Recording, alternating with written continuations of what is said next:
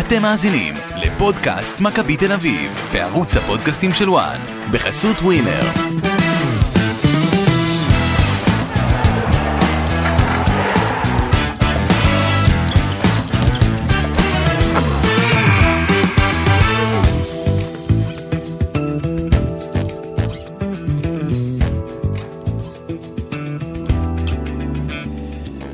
פודקאסט אה, מכבי תל אביב, אה, אחרי המשחק נגד אה, עירוני קריית שמונה, אחת אחת. המשחק של הצהובים מול ניר ברקוביץ', ששוב אותה התוצאה נגד ניר ברקוביץ', ב- אפשר להגיד העתק של המשחק מול נס ציונה.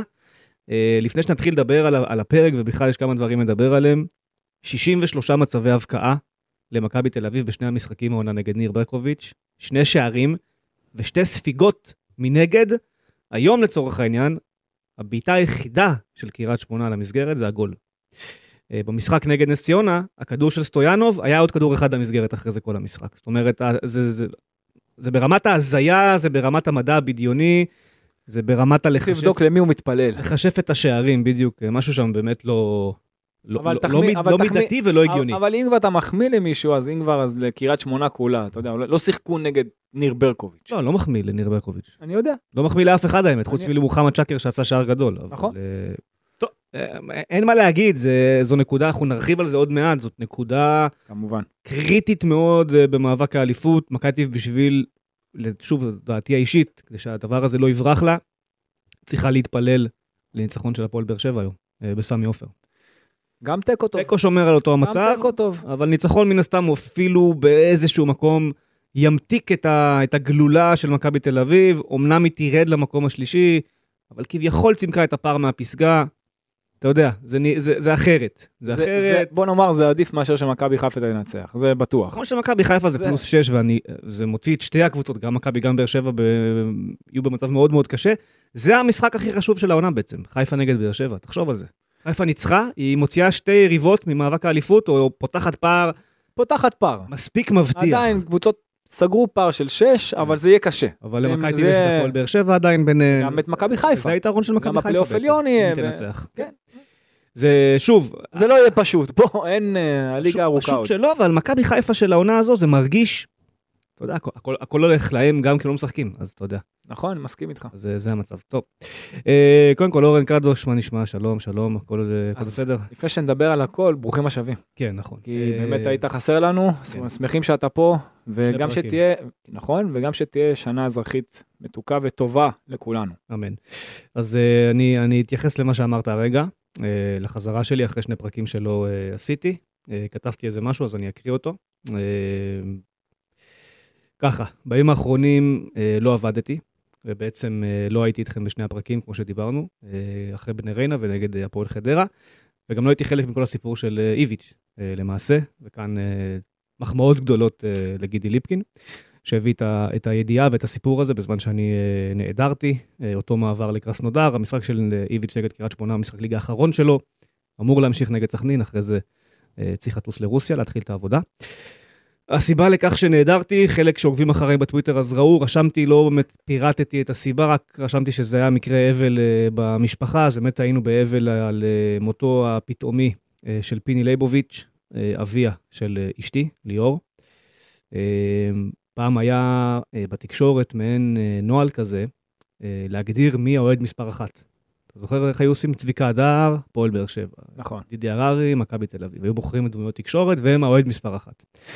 אז אני יכול באמת להגיד שפיני, זכרו לברכה, היה האוהד מספר אחת שלי. באמת, אני לא חושב שיש עוד אדם שכל כך אהב את מה שאני עושה, וכל כך חיכה אה, לשמוע אותי אה, משדר משחקים, אה, או אפילו להתעניין במה אני חושב על, על אירועים שקורים. פיני היה אוהד מכבי תל אביב, אה, בעיקר בכדורסל, אבל גם אה, בכדורגל, זו הייתה הקבוצה שלו. ולפני יותר משבע שנים הוא פתח בפניי את הדלת אה, לביתו, ונתן לי לגור שם עם הבת שלו, אה, שהפכה בהמשך כמובן אה, להיות אשתי. אה, הוא נתן לי קורת גג, שקט, ביטחון, עזר לי אה, ולליאור לקנות דירה, למכור דירה ולקנות עוד אחת אה, אחרת, ממש אה, שתי קומות אה, מתחתם. אה, בכל הזמן הזה גם נולד הבן הבכור שלנו, הדר, שגר בבית של אה, פיני וריקי במשך אה, שנתיים אה, אה, וחצי, ממש גדל על אה, ברכיו של אה, פיני, אהב אותו מאוד. אה, לפני שנתיים חגגנו לו יום הולדת 70, וזה היה בשיא הקורונה, אז אשתי ליאור הכינה הפקה מאוד רצינית, וכל אחד הקליט איזושהי ברכה, הילדות שלו מן הסתם, הגיס, הבעלים, הילדים, הנכדים, ואני הקלטתי לו ברכה מצולמת, בבית שלו ממש, האמת, ששם אני צוחק ומודה לו על כך שהוא צופה בכל שידור שלי. אפילו מדובר במשחק של אה, קרוטונה נגד סלרניטנה בליגה האיטלקית, שבוודאות רק הוא צפה בו. אה, והוא באמת צפה בכל המשחקים שלי, הוא היה הולך לישון איתי צהריים, והוא נרדם אחרי שידורים של אה, ברצלונה ו- וריאל מדריד, הוא מאוד אהב את ברצלונה. אה, הוא לא ספק אחד האנשים שבלעדיהם לא הייתי מצליח לעשות את מה שאני עושה. אה, התמיכה שלו, הדאגה, אה, הקניות שהוא תמיד אה, עשה ודאג שיהיו לנו, גם אם שלושה ימים לפני הוא היה יוצא מניתוח אה, בבית חולים. אה, גם אחרי שעברנו לבית משלנו, אני, רק בחודש אוגוסט האחרון, אני זוכר איך הוא היה נכנס בדלת, שם לי אבטיח במקרר ויוצא. אה, שוב, זו נתינה מטורפת שאני לא יכול להסביר אותה במילים, ולכן, מעבר לזה שלקחתי את השבוע, זה עשרה הימים האלה, בשביל לתת לאשתי את הזמן להתאבל, וטיפלתי ב- בילדים לבד, זה גם היה בשבילי אה, ולמעני, כי אין, אין הרבה מילים שיכולות לתאר את מה שפיני היה בשביל שנינו. אה, גם אחרי שעברנו לבית משלנו, הדאגה והנתינה לא הפסיקה. אה, שני הילדים שלי, שהם לא חבקנים אה, גדולים, אבל הסכימו לחבק רק אותו, אה, ולא אף אחד אחר. אה, האהבה שהוא הרעיף עליהם ועלינו, הלב הענק שלו. כל זה אה, הלך יחד איתו ביום שני אה, שעבר, ממש אה, ביום המשחק מול ריינה, אה, והותיר אה, חור גדול מאוד בלב של כולנו. הרגשתי שאני חייב להגיד משהו לזכרו, גם כדי לחלוק לו את הכבוד שאני יכול בדרכי, וגם כדי להסביר לכם כמובן למה התנתקתי במשך כמעט שבועיים. אז תודה לפיני על הכל, כי אני בטוח שגם שם מלמעלה הוא עדיין צופה בכל שידור שלי, מאזין לי. אה, כולנו אוהבים אותו מאוד, והוא יחסר לנו אה, בכל יום ויום. אה, וזה היה לזכרו של פיני ליבוביץ'. מכאן, שוב, הקטע הזה, מן הסתם אני אשלח אותו למשפחה, אז חיבוק גדול, מן הסתם, לבנות שלו ולריקי אשתו. ימים לא פשוטים של התמודדות עם אובדן. אה, ובמעבר חד אה, נעבור לאובדן של מכבי תל אביב, שמאבדת את אה, ולדניביץ', רגע, לפני הכל, וגם נקודות בקריית כולנו שמונה. משתתפים בצערכם כמובן. תודה. ושלא תדעו צער, בכלל, שאף אחד, כמה שאפשר, שנדע רק טוב. כן. עכשיו בוא נעבור למכבי תל אביב. כן. קדימה, תגיד לי אתה מה ראית קודם, ואז משם נמשיך, באמת.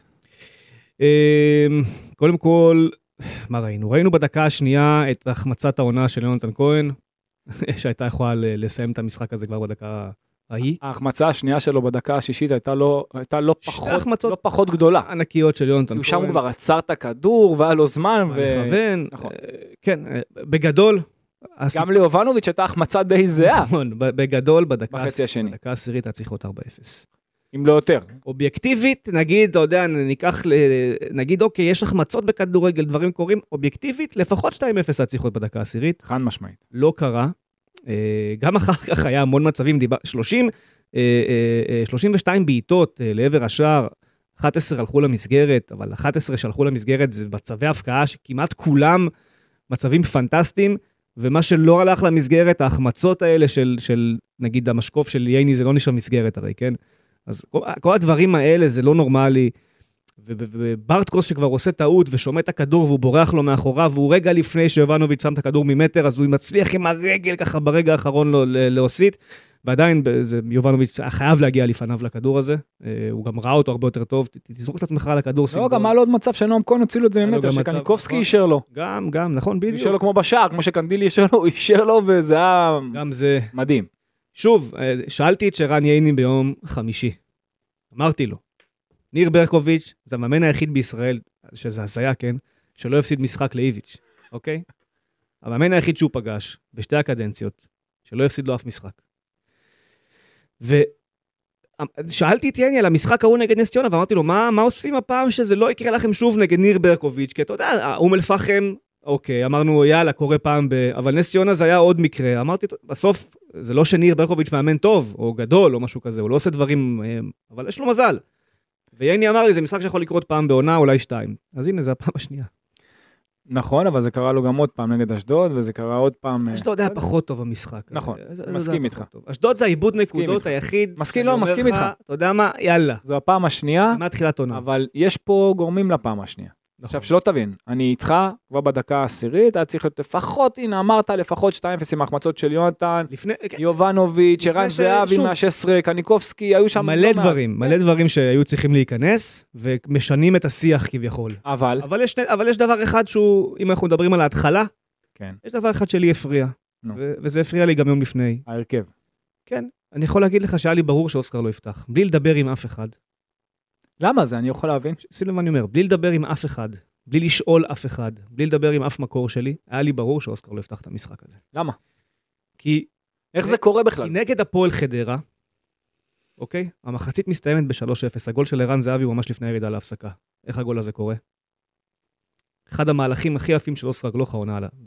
חד משמעית, לקח פה את- לקח את כל הקו, לקח את עד כל הגב. עד החמש, הוציא לו רוחב, קל, גול אדיר. אגב, הוא עשה- שמכבי, הוא עשה את אותו מהלך היום וערן זהבי החמיץ. שמכבי אותו מהלך בדיוק. שמכבי בעשרה שחקנים הוא עשה את זה. נכון. אוקיי? הוא גמר את המשחק מול חדרה, באותו מהלך עם הבישול לערן זהבי, במחצית הוא הוציא אותו. אוקיי? היה לי ברור שבגלל שפרפה שיחק טוב, ובמסיבת העיתונאים איביץ' אמר שהתפקוד של פרפה בשמאל היה נקודתי למשחק מול חדרה, כי חדרה משחקת עם, שלוש, עם, עם עשרה שחקנים על, על ה-16 מטרים שלה, היה לי ברור ברגע שהוא נתן את התשובה הזאת, שאוסקר לא יפתח את המשחק, למרות שריקן פצוע ולא יכול לשחק, וכביכול יש לך את האליבי כן לשים את אוסקר ופרפה ביחד, ודוד זאדה בשמאל, או יונתן כהן, מה שאתה רוצה. אבל יש לי שאלה אליך. היה לי ברור שאוסקר לא יפתח את המשחק הזה. אבל מה ההבדל באיך שקריית שמונה פתחה את המשחק, אז פה... אז, לבין איך שחדרה פתחה את המשחק? אז הביקורת היחידה שלי... מה ההבדל? אז שתי הקבוצות מחכות נמוך. אז הביקורת היחידה שלי על איך שהמשחק הזה מתחיל, שזה בעצם אה, פרסום ההרכבים הרשמיים, זה שאיביץ' פשוט לא קרא נכון את המשחק. הוא לא העריך נכון את קריית שמונה, הוא חשב, הוא נתן לה יותר מדי קרדיט שלא היה צריך לתת לה, כי פרפה על הדשא, ליד אוסקר, שוב, זה לנחש מה היה יכול לקרות, אין לי כדור בדולח. תחושה אישית שלי, אחד הכדורים שם היה נכנס. פרפה הוא במומנטום טוב, זה אחרת, הוא גם ימני ברגל, בניגוד ליונתן כהן שהוא שמאלי ברגל, וראית שהוא התקשה שם בשתי הפעולות האלה. פרפה הוא ימני. האפשרויות לדאבלים הקטנים האלה עם אוסקר, שלא היו בעצם כל המשחק, הרי אוסקר מחליף את פרפה. אז, אז זה באמת, שוב, אם, אם, אם יש ביקורת אחת על איביץ', כשהוא הולך מפה, ותכף זה, זה נגמר, זה שהוא התעקש, ממש התעקש כל העונה, לא לשחק עם שניהם ביחד. הוא ממש התעקש לא לעשות את זה, וזה לפגוע בקבוצה. חד משמעית לפגוע בקבוצה. ואנחנו נדבר על ענייני המערך, יש פה עוד גורמים שפגעו בקבוצה וניגע אנחנו בזה. נדבר על ענייני המערך בהמשך, ודיברנו על זה לא מעט העונה. אני חושב שכן היה אפשר לשחק העונה 4-3-3 עם הקבוצה הזו. אפילו היה חייב לעשות את זה, בטח איך שהסגל מסתיים לו עם העזיבה של פריצה. היה חייב למצוא את הדרך כן, עם חלוץ שפיץ אחד הכוונה. כן, בדיוק, כן לייצר את המעברים האלה, כן לייצר מצב שבו אוסקר ופרפה ביחד על הדשא, אלו שני השחקנים הכי מוכשרים בכדורגל הישראלי. ולא רק שהם הכי מוכשרים, הם גם טובים. הם, הם מנצלים את הכישרון שלהם, מביאים אותו לידי ביטוי על הדשא. אוסקר עלה כמחליף, מה שהוא עשה על הדשא עד שהוא סיים את המשחק, זה, זה נתונים מטורפים, זה מהלכים ש, שפשוט זה, זה, זה עצוב. לא שייך לפה, פשוט. עצוב לא שייך ש- לפה. עצוב שהם לא עלו ש- על הדשא. ואחד שלא שייך לפה לשחק חצי שעה, לא דקה 59, זה מה שמביך פה. אני אני, אחד כזה לא צריך לרדת דקה אני- מהמגרש, אלא אם אני- כן, אתה אני יודע, איתך, אני איתך בנושא הזה של פצוע או ויסות עומסים, דבר כזה, זה לא הסיפור. אנשים טוענים שנגד חדרה הוא היה לא טוב. בסדר, מי? אני, אה, אוסקר. אה, אה, הגול שהוא יצר, אני, לא. אני לא מסכים, אבל אפשר גם לחשוב ככה, וזה בסדר לחשוב לא. ככה, אבל אני אומר משהו אחר. לי, לי חורה, באמת, לי חורה. ודרך אגב, רגע, שנייה, לפני שאתה ממשיך, אוסקר יכול להיות עוד הרבה יותר טוב. הוא משחק כ-50-50, נכון. זה לא התפקיד שלו המקורי. אם אתה שם אותו עוד אמרתי, עשר, אר- ארבע, שלוש, שלוש, סיפור או אחר לגמרי. שתיים, שלוש, אחד. זה סיפור אחר לגמרי. שם הוא היה צריך לשחק העונה ופרפה בצד שמאל. זה מה שהיה צריך להיות. אפשר היה לעשות את זה, אפשר היה לסדר את זה, אפשר היה לאמן את זה. אני, אתה יודע מה, 16 משחקים עונה. שבעה, לא יכלת לשחק ככה. יכלת גם יכלת. ברור. היית יכול, אפילו לא מההתחלה, תחליף תוך כדי משחק. אבל אין, לא, בכלל, לא, היה, לא היה בכלל רצון או נכונות מצידו של איביץ', ו, ו, וזה, וזה הכי חורה לי, אתה יודע למה זה הכי קורה. חרה לי, כל מה שאתה אומר קורה בגלל שהוא דבק בשני החלוצים. זה הכי חרה לי ב- ב- כשהמשחק הזה מתחיל, וגם היום עם שני החלוצים עדיין היה מקום לשניהם, כי כבר מצאת פתרון איך אתה משלב את שניהם, אוקיי? מצאת את הפתרון איך אתה משלב את שניהם. עם, עם פרפה על צד שמאל שהוא לא ווינגבק, אבל גם יונתן כהן הוא לא ווינגבק. וזה לנסות בכוח לעשות מישהו שהוא לא, משהו שהוא לא. וזו האכזבה המרכזית שלי מאיביץ', מהרגע הראשון שהוא הגיע לפה. הקיבעון הזה, לא רק על השני חלוצים, ולא רק על השלושה בלמים, הקיבעון הזה של לא לשחק עם הכישרונות הכי גדולים שלך, זה פספוס ענק של מכבי תל אביב, ואנחנו נדבר בהמשך על המאמן הבא ומי זה יהיה ומי זה לא יהיה. אם במהלך הרעיונות שבוצעו, לא הוגדר, אתה יודע, לא הוגדר באיזושהי צורה, שזו צריכה להיות מטרה של המועדון, או יותר מזה, אם הם לא הבינו מהרעיונות של המאמן, שהוא אה, אה, נכון לשלב שחקנים כאלה צעירים, למרות שהם כביכול באים על הניסיון של האחרים, אם זה לא משהו שעלה בשיחות, ויגיע לפה עוד מאמן שבגישה שלו, אתה יודע, אז יהיה לשים רק אחד מהם על הדשא, אז, אז, אז, אז זאת תהיה טעות מאוד קשה של מכבי. אז בוא אני אגיד לך, אתה מדבר על ה... גם אני, לאורך תקופה מאוד ארוכה, על ה-4-3-3, כמה המערך הזה יותר מאוזן ובטח התקפית. אז היום, שלא שיחקת כך, זה גם פגע בך הגנתית. אתה רוצה שאני אסביר לך למה? הגול שספגת, בוא אני כבר ישר, אתה יודע, היו החמצות, ראינו כולם, דווקא מכבי באמת, היא שיחקה טוב. עם הכדור באמת הניע מצד לצד, הגיע יפה, גבוה, קו רוחב כמה, כמה וכמה פעמים, אם זה קניקובסקי שאישר, אם זה קנדיל שאישר, אם זה אפילו יונתן כהן שהגיע למצבים בעצמו, באמת שהם הגיעו, החמיצו. יוב... אה, איביץ' בעצמו לא יכול להפקיע. אבל היום דווקא הגנתית, דווקא הגנתית, לך מקרה בדקה ה-40, הגול שספגת, שהגול הזה זה תוצר לוואי של המערך שלך. למה? אתה הרי משחק את ה-5-3-2, עכשיו, שכבר, הם כבר יצאו קדימה קריית שמונה, הכדור הגיע לאמבונג, באמצע. אוקיי, עכשיו אם אתה, אני, אני חייב שכולם באמת, מי ששומע אותנו, ויש לא מעט כאלה, לעצור את המסך על דקה, של... מי שהקליט את המשחק, דקה 39-35.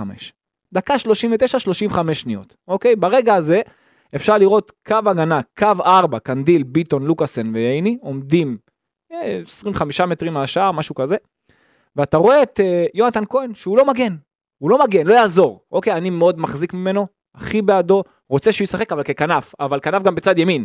שיכול לחתוך, פחות ללכת על המהירות ועל הכוח של השמאל, על העוצמות. הרי איפה אתה מעדיף שחקן שישחק עם רגל הפוכה או רגל על הקו? אם הוא הרבה יותר טכני והפס טוב, אוקיי, או ש... או... והסיומת טובה, או שהוא הרבה יותר עוצמתי. ומבחינתי יונתן כהן הרבה יותר טכני מאשר עוצמתי, והוא פחות מחפש ללכת על המהירות ובכוח על הקו ואז להוציא את הרוחב. הוא מחפש את הסיומת. אני עדיף אותו בצד ימין אבל ככנף, לא, כ... לא כווינגבק. עכשיו, זה שהוא שיחק שם, מה קרה? הוא כאילו ננעל בראש, כי אמרו לו כמובן, שים לב למי? לשקר. שים לב לשקר. מה קרה? קריית שמונה משחקת ה-4-3-3, להם בהתקפה יש פתאום שניים על הקו, פתאום יונתן כהן צריך להתמודד עם שניים. עכשיו, מה קורה? בשלב הזה הייתי מצפה מייני, תגיד ליונתן כהן, זוז אחורה, נועם כהן עקף את שקר, הוא עקף אותו. אמבונג מזהה את זה, ואז זמן, היה מספיק זמן. אמבונג מזהה את זה, נותן, אתה יודע, כדור אלכסוני קדימה, לנועם כהן שעומד, אתה יודע, כבר גבוה בגובה של הקו הגנה של מכבי. יונתן כהן מתבטל, למה? הוא שם לב לשקר שעומד מאחוריו בכלל, מאחורי נועם כהן. אוקיי, והוא שניים על הקו מולו. ואז נועם כהן מתקדם, י... אה, ייני יוצא מהאזור, יוצא לכיוון אה, נועם כהן, ואז הוא חושף את, את, את הקו הגנה, ועכשיו הקו הגנה, במקום להיצמד לשחקנים בתוך הרחבה, מיישרים קו. דיברנו על זה 200 פעם, אני ראיתי את זה גם בדקה 11, אתה יכול להסתכל על שם מצב כזה שפעם ראשונה שקריית שמונה צריכה להגיע לאזור הרחבה, וגם במצב של השער, לא נדבקים לשחקנים. מה קורה? הכדור מגיע, הוא לא הרים טוב, הגיע ללוקאסן. עכשיו הטעות השנייה, דיברנו על יונתן כהן ויני שהוא לא דיבר איתו לחזור אחורה, לוקאסן מה עושה? טעות הכי גדולה שיכולה להיות לשחקן הגנה שהוא בתוך הרחבה, מעבר לזה שהוא לא נצמד לשחקן, מרחיק לאמצע. הוא מרחיק לאמצע, למי זה נופל? לשקר שבא עם הפנים. אוקיי, יונתן כהן לא המשיך איתו את התנועה. אוקיי, הגיע השקר, עשה שם באמת גול, גם במאבק עם פרץ, גם אחר כך מול קניקובסקי, הם הבילו אותו לשמאלית שלו. הוא רץ בריצה אלכסונית על הרובן וסיים על הרובן, שזה וואו, באמת גול מטורף, אבל הכל התחיל מזה של השניים על אחד בקו. ואם היה לך פה 4-3-3 או 4-5-1 והיה שם שניים מול שניים, אז זה לא היה קורה, וגם אם היה לך מגן על הקו, בדיוק. אם היה לך מגן על הקו, דוד זאדה כזה, הוא היה מבין לא לצאת, לא משנה אם זה שקר השחקן, אתה יודע, או, או נועם כהן, מי שיותר גבוה, אותו אתה צריך לקבל. לא את השחקן שהוא נחשב יותר התקפי. או שבעמדה כביכול על הנייר יותר התקפית, זה לא מעניין. עקפו אותו, קח את השחקן שיותר מקדימה שלהם. נכון. אתה מבין? וזאת הייתה הבעיה, זה יצר את השער שלהם. וחצי שני, אתה יודע, אתה פתחת, פתחת טוב, ואני חייב לומר, אני באמת, אני ראיתי את קנדיל, גם המשחק האחרון, וגם זה, אני לא יודע איך גם אחרי הבישול שלו, אני, לפני שאני אגע בחילופים של אוסקר וכולם, ושזה היה מאוחר מבחינתי ושהוא היה צריך לפתוח והכל, אבל למה, למה הוא הוציא את קנדיל? הרי הוא, הוא, הוא בישל שער, הוא היחיד שהוא לבד על הקו, שבאמת שולט בקו מבחינה גם התקפית וגם הגנתית שעושה את זה עוד בסדר, אוקיי? והשפת גוף שלו טובה, והוא במקום נכון. הוא היחיד שמצטרף לרחבה גם לפעמים. מרווח ועומד גבוה בקו, בגובה של הקו הגנה שלהם, אישר כמה פעמים, יכל גם אחרי השער שהוא בישל, יכל שתי דקות אחרי זה אם הוא היה קצת יותר, אתה יודע, מבחינת הטכניקה יותר, יותר פשוט לא קרא נכון את הכדור. בדיוק, אם הוא היה, איך אני אגיד לך את זה? מטפל בכדור יותר נכון, יכל או לבשל או לסיים. נכון. ולא הצליח לו, אבל עדיין, תשמע, הוא מבחינת המיקום שלו הטקטי והחוכמה שלו לאורך- שלו, לאורך כל העונה. אז למה אתה לאורך מוציא כל אותו? העונה, קנדיל, אנחנו- בוא, אני שנייה נחזור טיפה אחורה, מה רצתה מכבי לעשות כל הקיץ? אלי דסה. נכון, לאורך כל העונה, היחיד במכבי מבין הכנפיים שמשחקות ימין או שמאל, הוא היחיד שהכי קרוב בחשיבה התקפית לאלי דסה. היחיד. נכון. הוא נכנס קדימה, הוא מזהה שטחים מתים. הוא יודע להיכנס בין בלם למגן, שזה שטח המת בכל המערכים שבדרך כלל פוגשים את מכבי תל אביב, שזה לרוב שלושה בלמים, היום היה אמנם ארבעה, אז בכלל יש לך שם את השטח להיכנס. הוא היחיד שמרווח את המשחק. הוא היחיד שמנסה את הפעולות הקטנות האלה של האחד-שתיים, שהסמלים שלך לא עושים. דוד זאדה התחיל את העונה טוב, אבל זה לאט לאט דועך לו, והוא יצא מהרוטציה לא, בכלל. הוא גם- שיפר, הוא גם שיפר את העניין של קור דברים, הרוח. הוא גם שיפר הוא הרי דברים. מכניס כדורים אלכסוניים סתם, ואני נכון. אמרתי, והוא הבין. הוא לא, הוא לא, בדיוק. הבין לא לעשות את זה, והוא עכשיו, עושה הוא את לא זה יותר אלידסה, הוא לא אלידסה, אבל הוא נתן לאיביץ' את מה שהוא רצה, נכון. שהוא בנה את המערך הזה בתחילת אני הקיץ. יכול להבין את החילוף הזה עם דוד זאדה, ואז להביא לא, את חוזה לא, צד החילוף שני, ואז. לתקוע את המשחק לאמצע. לא, זה מוזר. מה- עשה החילוף הזה? למה? החילוף הכי גרוע עכשיו במשחק, יותר מזה, אחר החילוף כך. הכי גרוע במשחק זה מתן חוזז. החילוף הכי גרוע במשחק זה מתן חוזז, כי לא הייתה שום סיבה לגעת בפרפה. אתה רוצה את אוסקר על הדשא? שבוע שעבר עבד לך. אני אגיד ושוב- לך למה, אני אגיד לך ושוב למה הוא עשה קריית את זה. שמונה כבר גמורה אגיד בצדדים, ראית שהם? עייפים גם. לא, אני אגיד לך למה הוא עשה את זה. הוא עשה את זה כי הוא רצה שחקן שהוא ירווח את המשחק ושהוא יכניס כדורים, אתה יודע, את הפס פנימה, ולא שיחתוך לאמצע ויתקע עוד יותר את המשחק. אני יכול להבין מה הוא ניסה, אבל, אבל אין דח- את החילוף שלאחר מכן, תוציא דוד זאדה, רגע, אבל דוד הוא זאדה שם על אותו, יונתן רגע, הוא שם. אותו במקום נתן כהן, ואת זה עוד אני עוד יכול להבין, אני עוד יכול להבין את זה, באמת. אוקיי, עזוב אם הוא עשה משחק טוב או לא, אני חושב שהוא הכניס יותר מדי כדורים אלכסוניים סתם, הוא, עשה, הוא לא שיחק טוב כחוזז, אוקיי?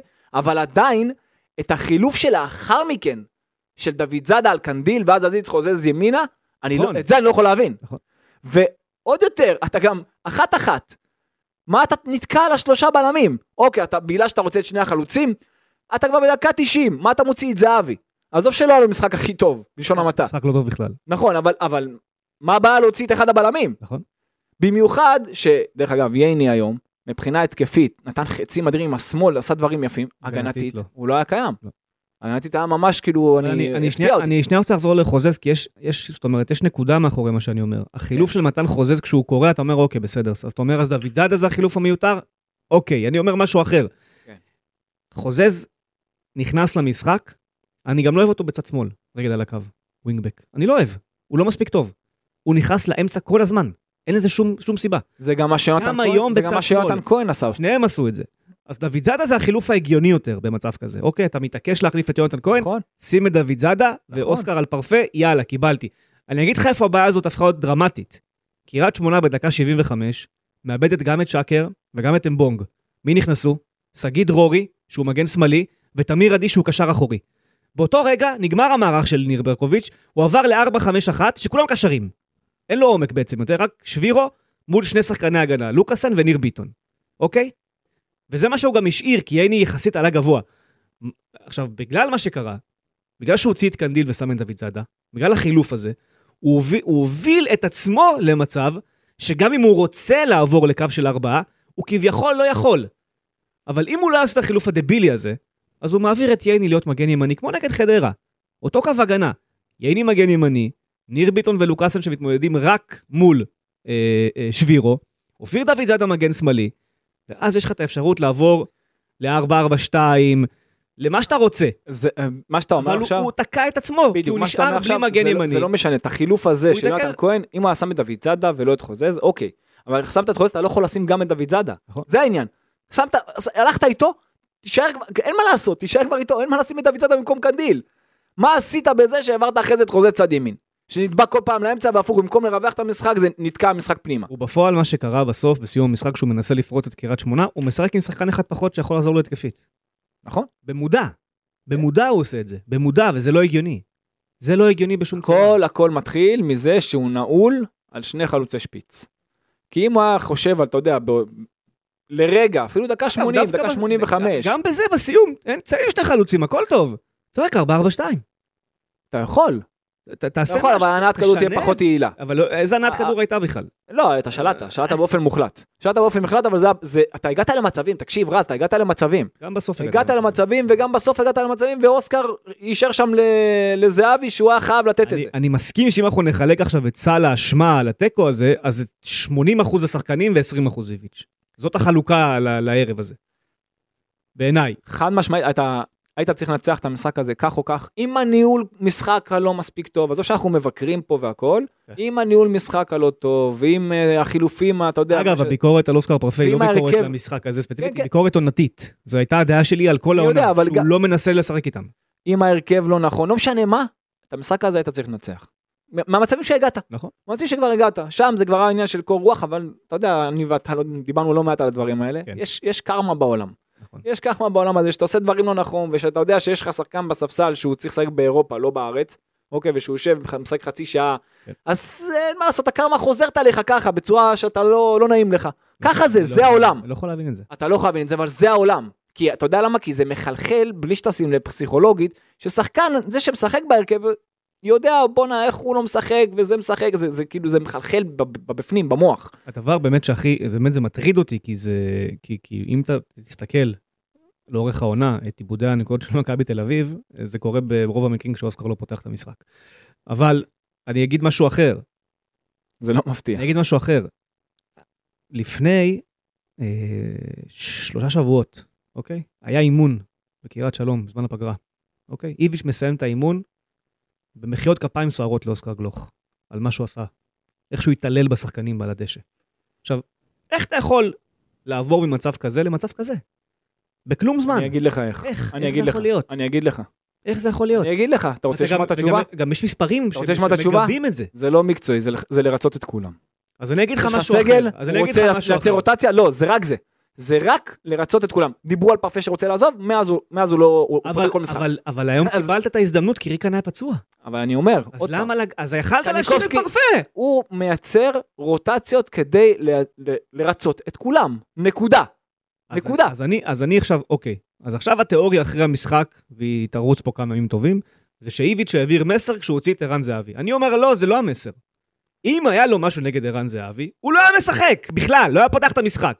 הוא לא היה משחק היום. אה, אה, לדעתי החילוף של ערן זהבי זה היה נטו הוא היה בגלל... עייף, היה עייף, עשה שטויות. גם האב הוא פתאום, אתה יודע, היו לו לא מעט מקרים בחצי השני דווקא שהוא ניסה לנהל את המשחק. הרי היה לו עיבוד כדור דקה לפני החילוף, כן. שאני בטוח שזה מה שהוציא איביץ' אה, מכליו. ערן זהבי מחוץ לרחבה זה דג מחוץ לאקווריום. נכון, הוא לא צריך הוא צריך, הוא צריך להיות רק בין הבלמים, לא בין, בין. בלמים לקשרים, לא אפילו, לא קרוב לקשרים, אתה יודע, בחצי מרחק, רק באזור המסוכן, ומשם לסיים, היום הוא הגיע כבר למצב הזה. הוא מבזבז כמו- אנרגיות סתם במקומות מיותרים, ואז הוא. גם מגיע עייף לרחבה. חד משמעית. עכשיו, לגמרי. זהו, היה מצב בחצי הראשון שיובנוביץ'. קיבל את העומק, סליחה, ושאחרי שערן זהבי בא להניע, אז כבר הגיע למצב ל- ל- ל- להתקפת... ולא היה למי למסור. ולא היה למי למסור. נכון, כי הוא לא צריך להיות במקומות נכון. האלה. אבל זה גם, זה גם אגב תולדה של המערך, שהם הם- בגלל שהוא מרגיש שהמשחק תקוע, אז הוא מרגיש איזושהי אחריות לרדת אחורה. אין זה לא שום סיבה. זה לא התפקיד שלו. עכשיו אני אגיד, מה- הסיפור הזה של ערן זהבי ולרצות את כולם, וההתעקשות על שני החלוצים, אוקיי? אם אתה כאיביץ' חושב ששני החלוצים חייבים להיות בהרכב, איך זה יכול להיות שהשחקן הכי טוב שלך לא חייב להיות בהרכב?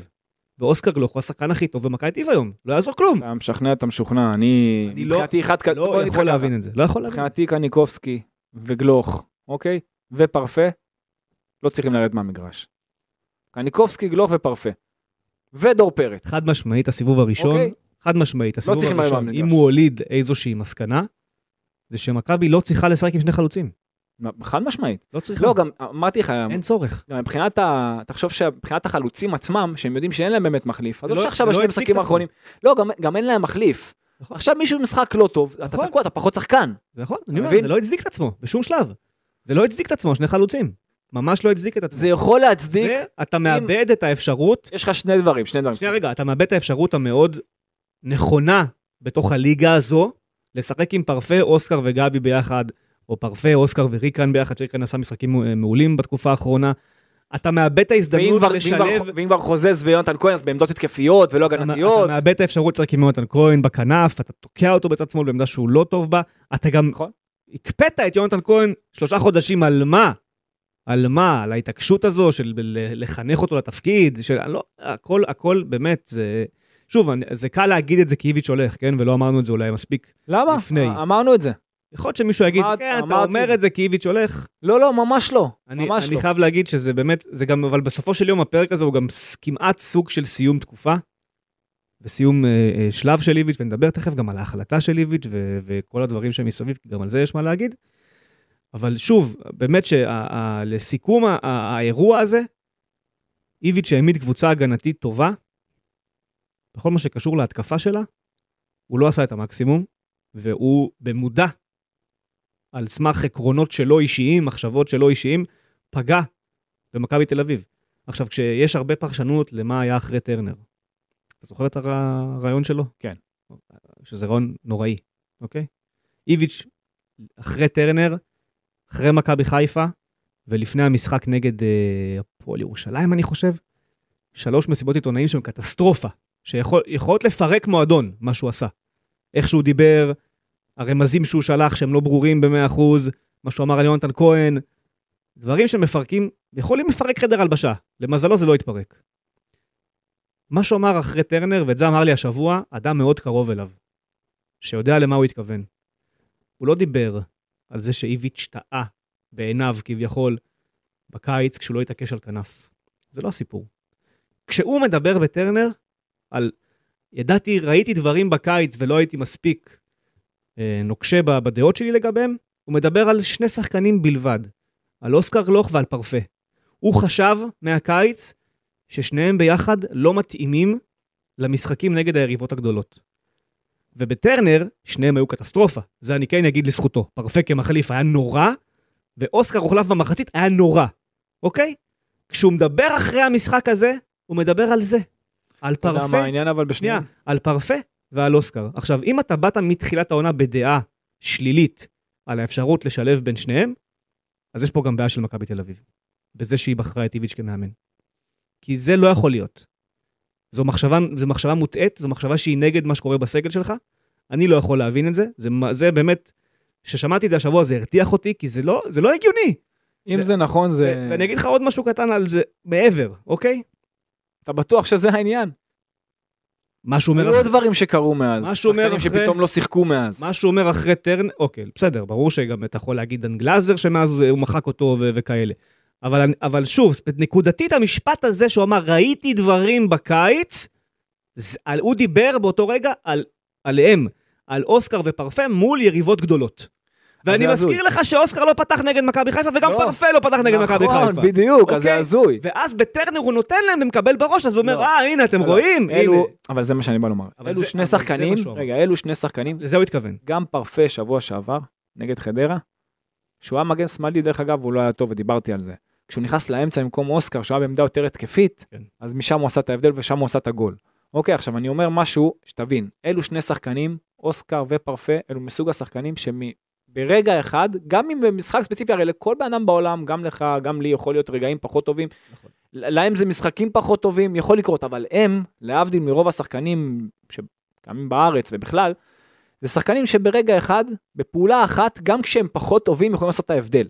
הם צריכים לשחק כמה שיותר, אוקיי? כן. ושחקנים כאלה, מבחינתי זה לא או זה או זה, זה מזכיר לי את העידן של אה, שנות ה-90, ואמרו בג'ו ודל פירו לא יכולים לשחק ביחד. מה זה השטויות האלה? כן. אין, אין, ש- זה, זה, זה כמו שבברצלונה פתאום אומרים שמסי וויה ופדרו לא יכולים לשחק ביחד. זה, מה זה, איזה, איזה קשקוש זה? יכולים לשחק ביחד זה בטוח. יכולים. אתה רוצה לאמן אותם יכול. בדיוק, בדיוק. הוא לא רצה. אז הוא לא רצה, ועוד פעם אני חוזר איתך, אני חוזר איתך. זה כל זה קורה כי הוא דבק בשני החלוצים. לא, אז עכשיו אני רוצה להוסיף את... זה העניין. עכשיו רוצה להמשיך הלאה. ישנה כי תיאוריה... תן לי- כי תן לי, תן לי מערך, תן לי מערך ששני החלוצים משחקים וכל הם אוקיי, משחקים. ישנה תיאוריה, אוקיי, שאיביץ' חיפש את ההצעה מקרסנודר ומיהר לברוח ממכבי תל אביב, כי הוא לא היה מרוצה מהסגל שנבנה לו, אוקיי? עכשיו אני, עכשיו פה יש עניין של, קיבל כל מה שהוא רוצה. יש עניין של דעה ויש עניין של אמת, אוקיי? מבחינת דעה זו דעה לגיטימית, הסגל של מכבי תל אביב לא מאוזן. סגל של קבוצה בלי כנפיים זה לא הגיוני. דיברנו על זה לא מעט, יש למכבי שני כנפיים, יונתן כהן וחוזז, פה זה נגמר. אתה יכול לאלתר עם פרפה, אנחנו מסכימים, אני גם חושב שהוא צריך לעשות את זה. נכון? אבל תכף גם נגיע גם לשלב הזה. איביץ' מתחיל, שוב, אני- זה חייבים גם לדייק את העובדות.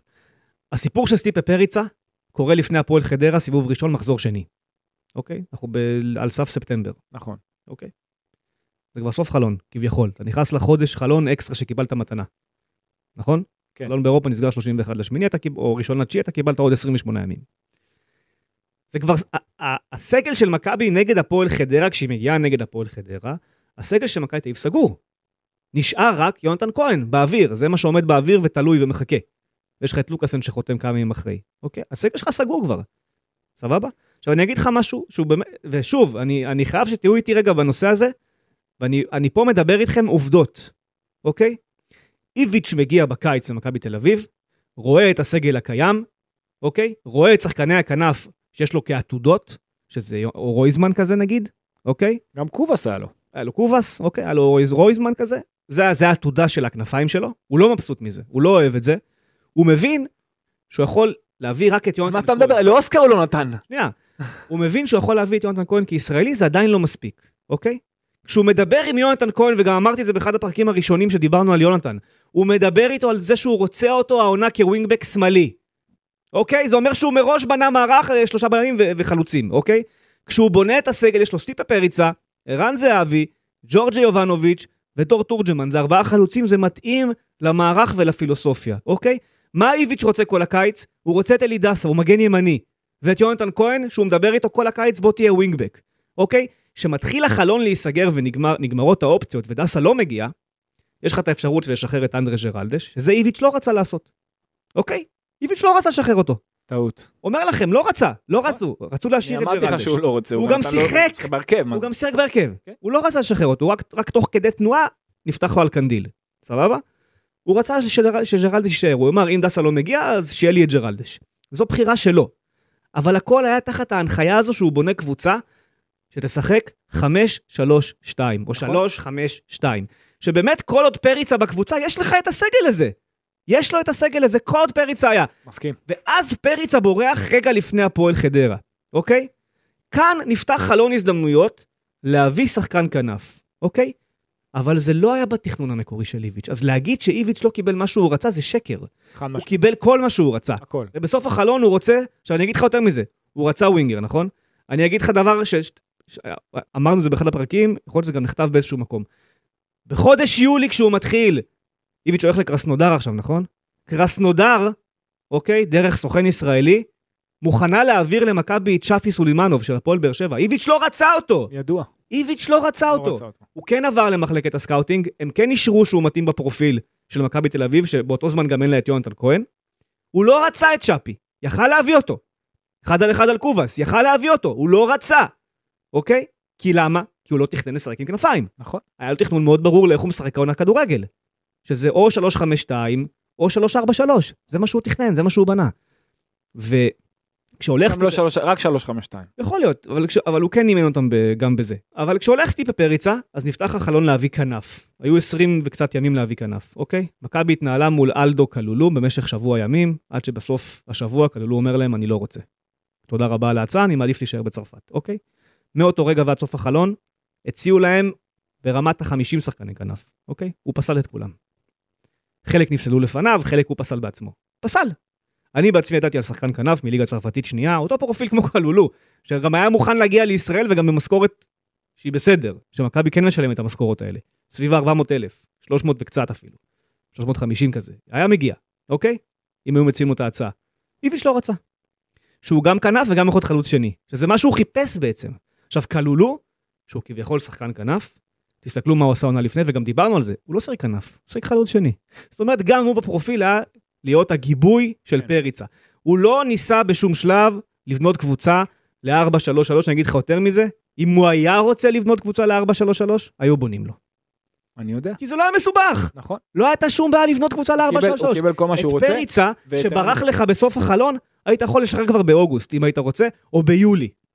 היה אפשר, אם היית רוצה באמת להתעקש על הכנפיים, וגם אחרי שכל זה קורה, עדיין היית יכול להביא שחקנים שנותנים לך אופציה ל-4-3-3. אבל איביץ' ראה את הסגל, הוא אהב את מה שהוא ראה, הוא הסכים עם הרעיון, ניר ביטון זה מבחינתו שם בכיר, סבורית זה שם בכיר, הצליח להביא את לוקאסן שהוא מאוד רצה כבר ביולי, למרות שזה קרה בסוף, אבל הוא רצה מאוד את לוקאסן, הצליח להביא אותו, הצליחו להביא לו את יונתן כהן, השחקן היחיד שהוא באמת לא קיבל זה אלי דסה, וגם, זה יכול לקרות, יכל להביא זר במקום ג'רלדש. המחשבה של דסה הייתה... יכל להביא זר במקום ג'רלדש. המחשבה של דסה, למרות שנגמר בסוף ברוסיה, אבל זה היה סוג של דמיוני להביא אותו בתחילה, שדיברנו על זה, היה נראה כמו פנטזיה, אבל אתה יודע, היה יכול, כמו שאתה אומר, היה יכול לשחרר את ג'רלדש ולהביא זר, נכון. לא עשה את זה, והוא בנה קבוצה 352. אז הוא לא עוזב, אז זהו, אני חייב אז לגעת הוא לא. עוזב כי אין לו את הסגל.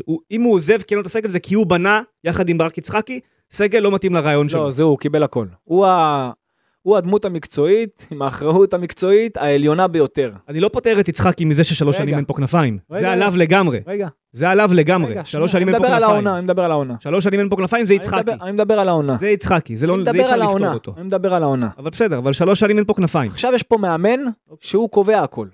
יש פה מאמן שעל פיו יישק דבר. לא, אוקיי? שוב, המאמן הזה מגיע לתחילת עונה כן, כשהוא אומר, עכשיו, אני רוצה... רגע, אני לא. אני חייב- אתה אומר אני- לא, משהו, אני אגיד לך, אבל שוב, אם איביץ' הסכים בתחילת העונה להגיע ל-352, אז מה אתה רוצה?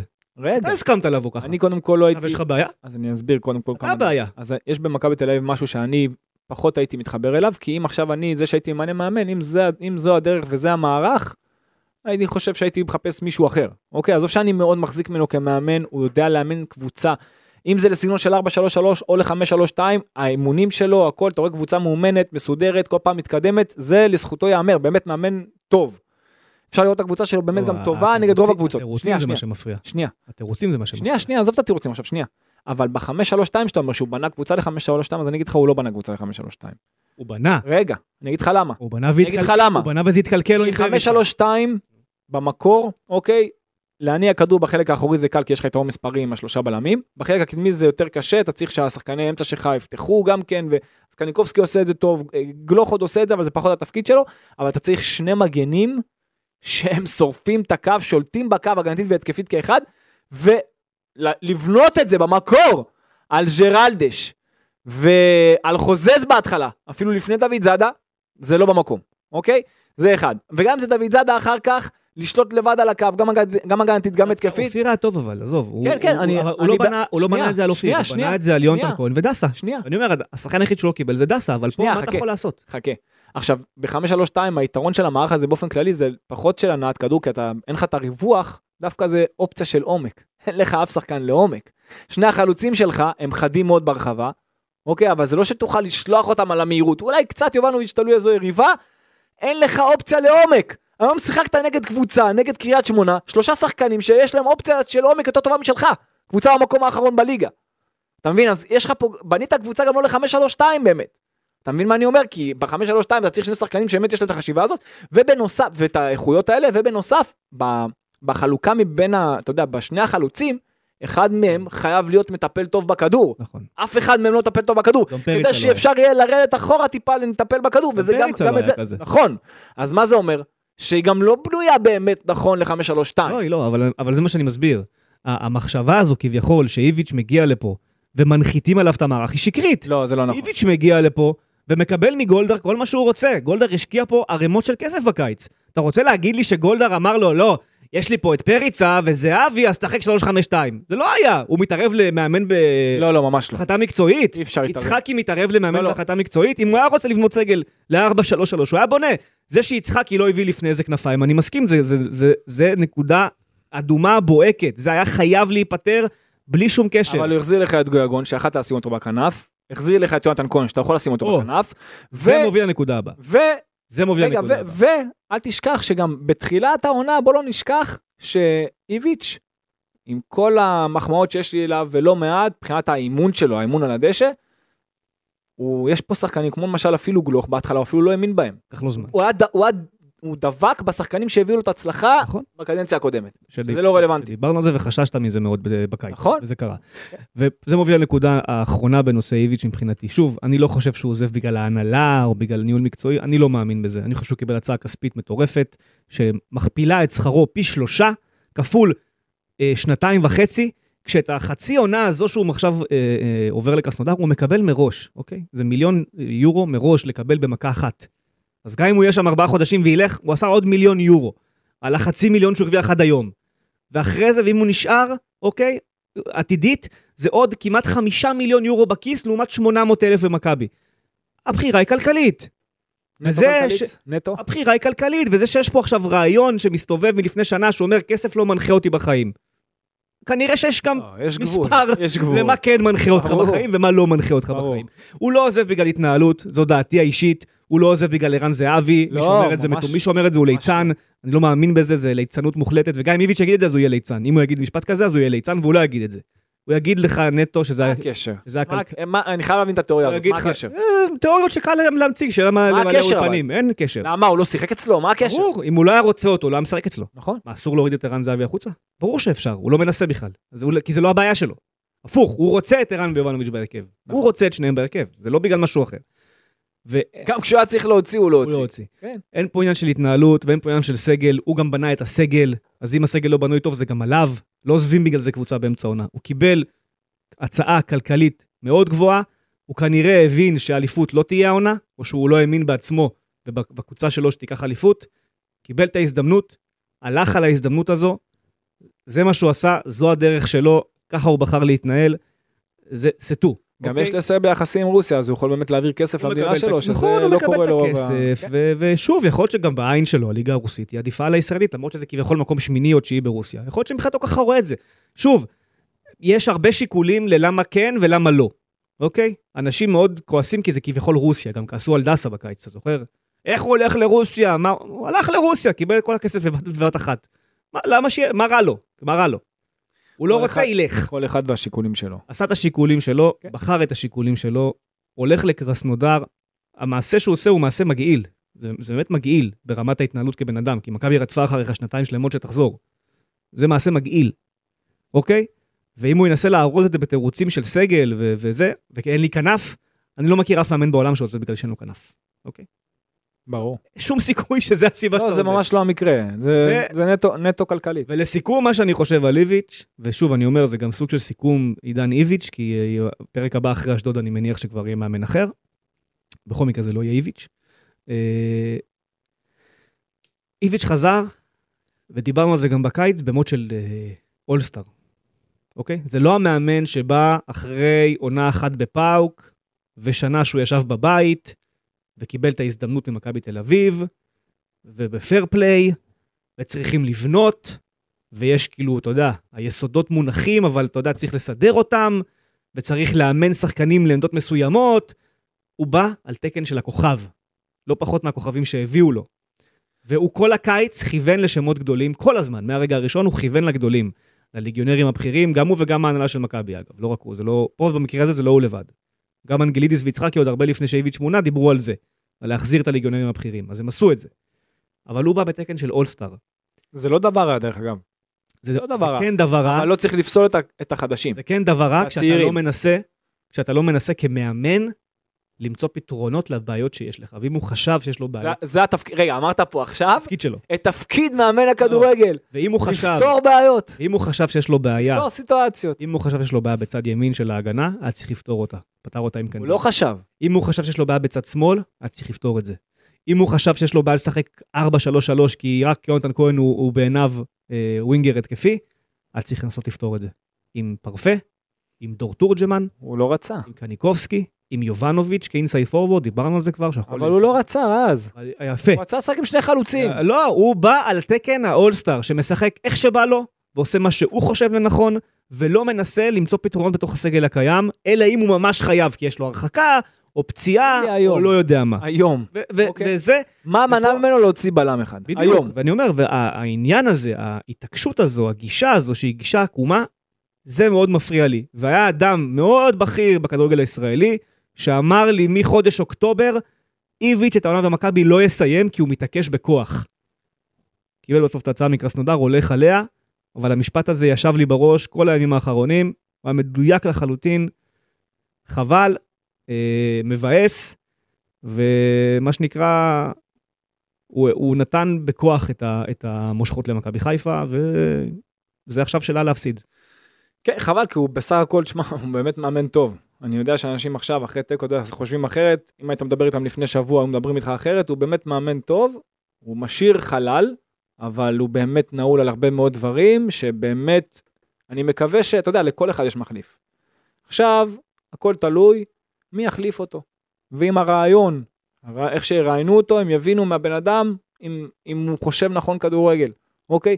איך אתה רוצה ליזום, איך אתה רוצה לתקוף, איך אתה רוצה להגן, באיזה מערך אתה מאמין, אה, אם הוא מכיר כבר את הקבוצה, אם הוא מכיר את היריבות, זה דברים שבאמת אפשר לדעת, אפשר להבין מבן אדם, פה באמת, שם קבור הכלב. אם תצליח להביא בן אדם, שעזוב עכשיו גם מה הוא עשה, כי היו מאמנים שאימנו אותה, אנחנו משדרים לא מעט אה, ליגה איטלקית, ליגה ספרדית, ויש מאמנים ברמות כביכול הכי גבוהות, ושהם, פשוט יש להם לובי טוב. אני מדבר עכשיו, רואים בן אדם שיש לו רעיונות טובים, שיכול באמת לפתור, אמרת, יש בעיות, לפתור, לפתור את הבעיות האלה, לייצר פתרונות לסיטואציות המסוימות האלה, ופה מעניין אותי מי, מי, מי זה זה שיקבע. מי זה יקבע? יצחקי יקבע? אנגלידיס יקבע? מי יקבע? בסופו של יום זה תהליך שבו יש לך מנהל מקצועי. מי מראיין את המאמן? מנהל מקצועי, אנגלידיס, והאחרון זה גולדהר. אה, ברמת המי קובע יותר, מי קובע פחות, אני, שוב, ה-say האחרון זה של הבעלים. זה בטוח. יצחקי נותן את הדעה מי שלו. מראיין אותו, אבל מקצועית? הרי, הרי. גולדהר לא יכול לראיין מקצועית מאמן. יצחקי ואנגלידיס מנהלי, אה, מנהלים את השיחות, אוקיי? אה, יכול להיות שנג... על פי מה שאני יודע, יש שני מועמדים סופיים שהגיעו לישורת האחרונה. אני משער ש... אתה כבר יודע מי הם? אה, יש, השמועה אומרת שאחד הוא ספרדי. אה, לא רק, אגב, השמועה לא רק שהוא ספרדי, במכבי מתעקשים שנגד אשדוד יהיה מאמן, ולא יצחק יורד לקווים. זאת אומרת, זה כנראה על, על ענייני סגירה ומה עם כל שאר הצוות? שבדרך. מה זאת אומרת, מאמן מביא צוות איתו. אוקיי. איביץ' הולך עם כולם. שוב, מכבי מתעקשים שנגד אשדוד בליגה יש לך אה, צוות חדש בישראל שעובד ולא יצחק יורד לקווים. בוא נראה אם זה יקרה. אה, אבל לשאלתך, יש יצחקי ויש אנגלידיס. אלו הסמכויות המקצועיות במכבי תל אביב, שתפקידן להגיש בסופו של דבר את השניים הסופיים למיץ' גולדהר, והוא צריך לבחור. יכול להיות שהם מגיעים למיץ' גולדהר עם רשימה של שני מאמנים, אומרים לו, הם שניהם בול אותו הדבר, תבחר מי נראה לך יותר, כאילו, ב vision שלך, אתה, אתה איש עסקים, אתה זה, תחליט. אה, ויכול להיות שאומרים לו, תקשיב, זה יותר מתאים להמשיך את דרכו של איביץ', זה כיוון אחר לגמרי, מאמן שרוצה לעשות מהפכה בסגל, ואנחנו נצטרך להביא לו בינואר עוד שחקנים, ואז פה גם הוא צריך להחליט מגולדהר עד כמה הוא מוכן להשתגע אה, בעונה הזו כלכלית. אה, זה, זה, זה העניין, זה הסיפור. אה, אני שוב, כמו שאמרתי לך, אני מקווה, אני לא יודע אם זה היה, באמת אני לא יודע מה היה בשיחות עם המועמדים, אני רק מקווה שבשיחות עם המועמדים, כי אני יודע שבמכבי כן הייתה ביקורת פנימית על איביץ' זהו. על המערך. השאלה אם זה, אם יש ביקורת פנימית, אולי זה קצת גרם לו להגיד, טוב, מה עכשיו הם רוצים ממני? כאילו, אני מר- מרגיש אה, יותר אוקיי, ככוכב, וואלה, אבל, אולי, אבל זה מתחבר למה? שאמרתי. יש לי פה הצעה הרבה יותר לא טובה. אתה לא לברון. נכון, אתה אבל... איביץ'. רגע, רגע. כל הכבוד, אתה איביץ'. אתה לא לברון ג'יימס. אתה לא זידן. אז, אז השאלה אם זה באמת נטו הכסף, או גם שיש לחצים בפנים שאומרים לו, תשמע, אתה יכול לשנות, והוא מקובע ואומר, מה עכשיו הם רוצים ממני? מה הם מבינים בכדורגל? בוא, בוא נשתחרר מפה, יש לי הצעה לא- יותר טובה. אני לא פוסל את זה שביקרו אותו בתוך מכבי פנימית ו- וזה כביכול אה, גרם לו אה, בכוח לקחת את ההצעה של קרסנודר. אני לא פוסל את זה, אני חושב לדעתי האישית, וממה שאני שומע גם, שזה נטו כלכלי. הבנתי. אבל שוב, אתה יודע, כל אחד, יכול להיות שהמקורות שלי במקרה הזה הם לא טובים, אני לא זה, יודע. זה כנראה גם וגם, כי אם היה לו ממש ממש טוב פה, אז הוא לא היה הולך, אני לא חושב שרע לו פה בשום צורה, יש לו אחלה חיים בישראל. נכון? אה, וגם בתוך מכבי תל אביב, בתוך החדר הלבשה, הוא עושה מה שהוא רוצה. הוא המחליט הבלעדי. הוא עושה, הוא מחליט. אני, אני אומר כמוך, אבל... לא אה, התערבו לו בשום החלטה כל העונה הזאת. לא מתערבים בהחלטות, אבל אתה יודע, קצת, ביקורת פנימית מותר אולי- שתהיה. תשמע, הוא, אל תשכח, תגיד, רגע, רגע, אל תשכח לא, שבקדנציה, לא, לא, לא, לא. הקודמת, עזוב את הקדנציה הקודמת. מנספורד היה הרבה יותר, תחרות. מנספורד היה הרבה יותר דעתן מכל מכבי היום ביחד, אוקיי? מנספורד היה משוגע. כן. מה שהיה לו בראש להגיד הוא אמר. ישב פה גיא צרפתי בכיסא שלך בזמן הפגרה, מה הוא אמר? שיאנקל'ה היה מאוכזב מהגישה של הקבוצה ואיך שהיא שיחקה והוא העיר לו ולברק בכר. ואמרו טוב בוא נשחק התקפי מעכשיו. אז אסור להעיר לאיביץ'? מותר. חד משמעית. אז אם אבל- בגלל זה אבל אם זה היה טריגר לא. שבא להגיד לו, אה, אז עכשיו אני אקח את ההצעה מרוסיה? אז- לא, לא, אז מה שאני אומר, אז הוא מראש לא בא לפה בר- ברוח טובה. נכון, אבל מה שאני אומר זה שהוא בא לפה דווקא על תקן כוכב, כי מה שהוא עשה אני פה, אומר, הוא בא שהוא עשה פה בקדנציה הקודמת, הוא בעצמו, אבל הוא עשה פה מה שהוא רוצה. אפשר לבקר אותו. לא היו לו יריבות. עכשיו פתאום הוא בא, הוא חשב שעדיין, אתה יודע, מה שהוא יעשה פה, הוא חשב שבישראל נכון. זה לא כדורגל לעומת מה שהוא יביא לפה. ופתאום הוא ראה דברים אחרים, יכול להיות. וזה קצת, אתה יודע, ושפתאום אומרים לו מה, אתה יודע, זה לא מתאים, או זה, אתה יודע, או קצת ביקורות פה ושם, אולי זה הוציא אותו מהכלים גם, בנוסף, מעבר לכסף. אני, אני יודע שלאיביץ' מאוד הפריע הנושא הזה של אוסקר ופרפה, כביכול, שהוא היה לו דעה מאוד ספציפית לגבי איך לשחק עם שניהם, ובאיזשהו שלב הוא הבין שהוא לא יכול לשים את אוסקר בספסל, שזה לא יעבור, והקהל גם מתהפך עליו אם הוא ימשיך בצורה הזו, אז אחד בא על חשבון השני, ואוסקר קיבל את העדיפות, ועכשיו כשהוא פתאום פרפה במומנטום, אז, או פרפה טיפה מפעיל לחץ, אני רוצה ללכת, אז כאילו, אז אחד בא על חשבון השני. אי אבל אפשר לרצות, ניהול- אי אפשר אבל לרצות. זה ניהול לא נכון של סגל וזה עליו. אה, כי שוב, דיברנו על זה והיה היה דרך למצוא להם מקום, ו- וזה מתחבר לנקודה של המאמן הבא. אני מקווה שוב שבשיחות של המאמן הבא, באיזשהו מקום, אתה יודע, הייתה ההבנה הזו, נולדה ההבנה הזו, שצריך למצוא דרך לשחק עם שניהם ביחד. ואני אני חושב, שוב, המשחקים האחרונים האלה, המשחקים שבהם לא הולך למכבי הם ההוכחה, שאין שום סיבה להתעקש על זהבי ובנוביץ' ביחד, ואחד מהם יכול לעלות כמחליף, והמאמן צריך לבחור מי זה יהיה.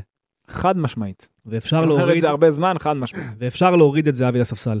אגב, אני, אם אתה שואל אותי, כל שחקן. אם אתה שואל אותי מבחינת קילריות מול השאר, אני מעדיף את זהבי על יובנוביץ'.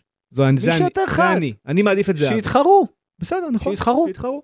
מה הבעיה? ואם אי אפשר יהיה להוריד את זהבי לספסל, אם באמת יקרה התרחיש הזה שכולם אומרים שהולך לקרות, אז שלא יביא מכבי.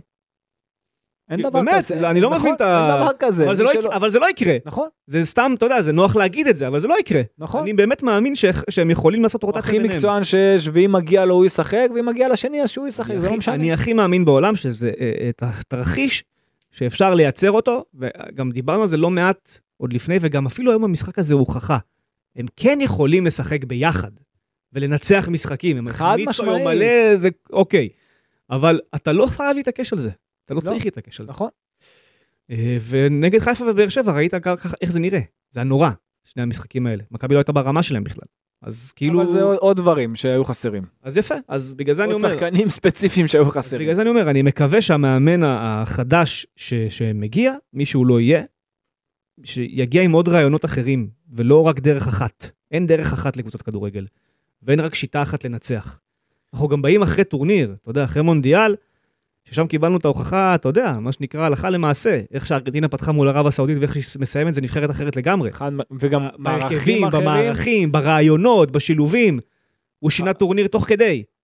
אז אתה לא. יכול לשנות? יכול. אתה שבעה משחקים, פה יש לך 36. אתה לא יכול לו לעשות עכשיו, הייתה שינוי. לו עכשיו פגרה של חודשיים. יכל, בטח שיכל. יכול גם, עדיין יכול.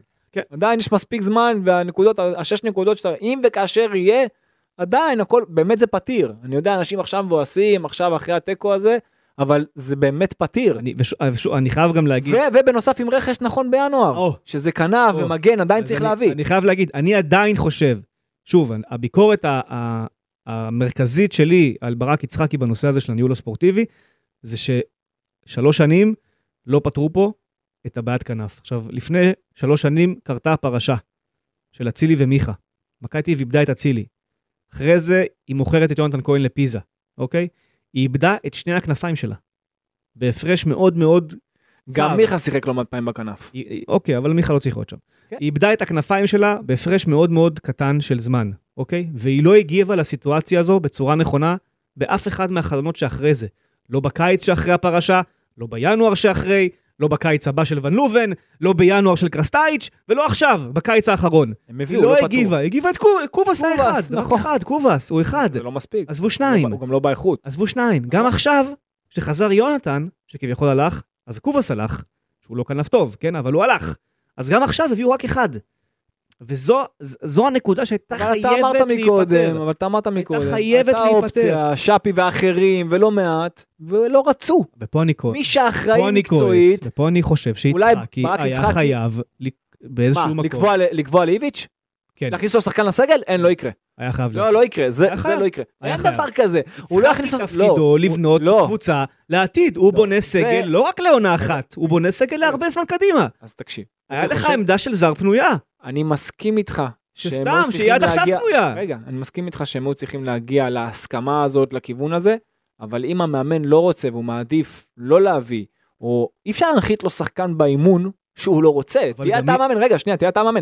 אם הבאת כבר את המאמן הזה- אבל גם אי אפשר להגיד, ון לובן לא רצה את קניקובסקי, אז הוא הגיע ברגע האחרון כי לא הייתה ברירה. וון לובן רצה את חלילה, אז הבאנו לו. וון לובן רצה את נחמיאס, אז הבאנו לו. אי אפשר כל פעם להגיד, המאמן רצה, אז הבאתי. או המאמן לא רצה, אז לא הבאתי. הוא מנהל מקצועי, הוא מתווה דרך. הוא צריך להעמיד סגל. או, הוא אתה אמרת עכשיו הכל. רגע, אבל אתה אמרת עכשיו הכל. הוא מתווה דרך, הקבוצה הזאת, אם יש לה הוא דרך צריך להתוות מסוימת, דרך, כן. אבל אם עכשיו, רגע, הוא גם יכול להתוות דרך כמו, סתם דוגמה, ברצלונה. סתם אני אתן לך דוגמה. שוב, אוקיי? אני חושב שמבחינת. רכש, הוא עשה הכל בסדר בקיץ הזה. למעט העמדה הזאת של הכנף. ומגן. אוקיי, אבל כן, מגן אמרנו, זה ניסו את דסה, בסדר. לא. אז- אז אוקיי, אין דסה, נו, אין אופציה. זה- אבל זה אפשר לתקן בינואר, זה נגיד עמדה שאתה אומר, אוקיי, אני יכול... זה הצליח לך ב- במזל עם קנדיל. זה הצליח לך. במזל. למה מזל? קנדיל שחקן טוב. לא, אבל זה הצליח לך במזל, כי הוא גם לא רצה לתת לו. עד שהוא נתן לו לקח זמן. עזוב, זה לקח, לקח לך זמן, הוא היה, הוא, הוא היה תקוע על ג'רלדש. שוב, אני, בעיניי, בעיניי, הרבה יותר מהותי לשים פה עוד שני כנפיים מאשר מגן ימני. עכשיו כן. בעיניי, גם עכשיו- לפני. עכשיו כן, גם לפני. ועדיין אתה צריך מגן ימני. גם לפני. שוב, בעיניי, זה, זה הנושא. כי אתה קבוצת כדורגל בלי כנפיים, וזה לא יכול להיות. זה לא יכול להיות, וזה על מנהל מקצועי. זה על מנהל מקצועי. ברור יש לי שאלה שהמאמן... אליך, עכשיו, רגע, רגע, ברור יש לי שאלה אליך. שוב, איביץ', איביץ' זה מרגיז שהוא לא רצה את, אה, את שפי, כי אתה רואה שהוא שחקן טוב. אוקיי? וזה עליו, גם, בין היתר. אבל פה אני אומר, מנהל מקצועי היה חייב לחתור למצב, ואתה יודע מה? לשכנע את איביץ'. ואתה- היה צריך לשכנע את איביץ' להגיד לו, שומע? זה רק יעשה לך טוב. אתה לא רוצה לשחק איתו בהרכב, יש לך איזושהי מחשבה אחרת. אף אחד לא מביא לך שחקנים כדי שהם יהיו בנקר ב-11.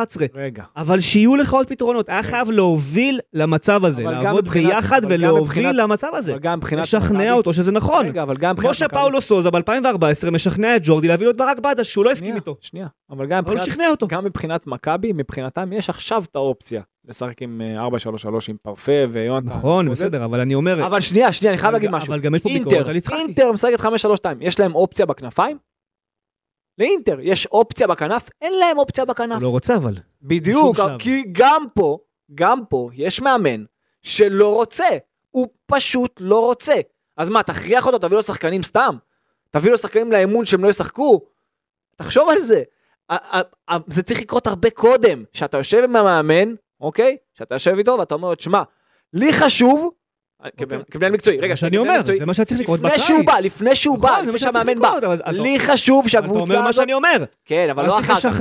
לא אחר כך, לא אחרי שהוא כבר פה, לא, אבל זה מה שאמרתי. לפני. היה צריך לשכנע אותו בשיחות סגל הראשוניות, לשכנע אותו. לא משנה מה, אנחנו בקיץ הזה הולכים להביא את יונתן כהן ועוד כנף. זהו. נכון, אבל עכשיו רגע, לקרות. אבל לא, זה צריך, יותר מזה, להגיד, שמע, אנחנו כמועדון דוגלים ב-4-3-3, שני שחקנים על אגף, ב-4-5-1. זה- זה- אפשר מקרים ספציפיים גם תוך כדי משחק לשנות. נכון. אלו הכלים שיהיו לך, תבנה את הקבוצה לפי זה. דיברנו אה, כמה, כמה שחקנים בכל עמדה, אוקיי, שיהיו לך ארבעה בלמים, שלושה ארבעה מגנים, שיהיו לך ארבעה כנפיים, שיהיו לך שישה שבעה קשרים, ושיהיו לך שניים שלושה חלוצים. זה מה שצריך לקרות בקבוצת כדורגל. זה שאין לך את זה עכשיו, כי הם לא רצו את זה, כי הם לא בנו את זה. הם לא חש... הם לא... המאמן לא רצה את זה. אז מה, תביא לו, בכל... תביא לו עכשיו ארבעה כנפיים שהוא לא ישחק איתם? זה העניין. עזוב שיש לו בקבוצה והוא לא רואה אותם ככנפיים, הוא רואה את יונתן כמגן, זה, זה הזוי. אתה מבין? עכשיו, זה, זה משהו שלפני שהמאמן מגיע, לפני שהוא חותם, שם, ציר, שם צריך להיסגר. ואז הוא יודע, שמע, אני צריך לשחק פה כדורגל, שאני יוזם, שאני שולט, אני צריך לרווח את המשחק, אני צריך שני שחקנים על כל אגף. זה לא קרה, זה לא, זה, הביאו מאמן כי מאמינים בו, הוא גם שיחק ככה בפעם הקודמת, האמינו שככה הוא ישחק גם הפעם. אז הוא בא עם גישה אחרת, עם מערך שונה, הוא רצה בכוח את השני חלוצים, ולכן שם שלושה בלמים, כי תן לי מערך אחר, תגיד לי 4-4-2 יהלום, אז שני המגנים לא יכולים לצאת, אז אתה עוד יותר תקוע. תגיד לי 4-4-2, יש לך רק שניים באמצע, כאילו קווים, כן. יש לך רק שניים באמצע, אתה לא יכול להניע ביעילות. אין לך מערך שיכול באמת עם שני החלוצים האלה בכוח. וזאת הבעיה, שני החלוצים האלה שהוא תקוע עליהם בכוח. וזה דבר שגם יכל לעבוד ה-5-3-2, אם היה לך באמת אופציה של חלוץ שיבוא מהספסל, אין לך שום דבר. עכשיו קצת מכניסים את תורג'מן. אמרנו את זה מלא פעמים, הקבוצה אה, מבחינת עומק, כאילו לא עומק של כמות שחקנים, משחק עומק, אין לה מספיק אה, מבחינת שחקני התקפה, וזה פוגע לא, לא מעט, וגם כשאתה כבר קבוצה עומדת נמוך ואין לך את המקום לעומק, אז אתה צריך לרווח את המשחק. אז יש לך רק אחד על כל הגב, במקום שיהיה לך שניים. אתה מבין? זה שם הבעיה שלך. כן, טוב. אה, אני מסכים, אני מסכים שזה הבעיה, אבל אני, שוב, בעיניי אמרתי את זה, יצחק היה צריך להכריח את איביץ', או לא יודע, להוביל, להוביל אותו איכשהו למסקנה הזו, לנקודה הזו, שלא משנה מה, יונתן כהן לא מספיק. ככנף. היה צריך להביא עוד. יש מאמנים בעולם שמראש יגידו לך, אני עם שלושה בעלים לא משחק. סתם דוגמה, אוקיי? אני משחק רק 4-5-1, רק 4-3-3, זה, זה מה שהם יגידו לך, לא משנה מה. קודם כל תתחיל מזה, תתחיל מזה. אם, אם זה מה שאתה רוצה. אתה לא חייב, אתה יכול לשחק גם 5-3-2, אבל תביא עוד חלוץ. כן, אתה מבין? אז תביא עוד חלוץ.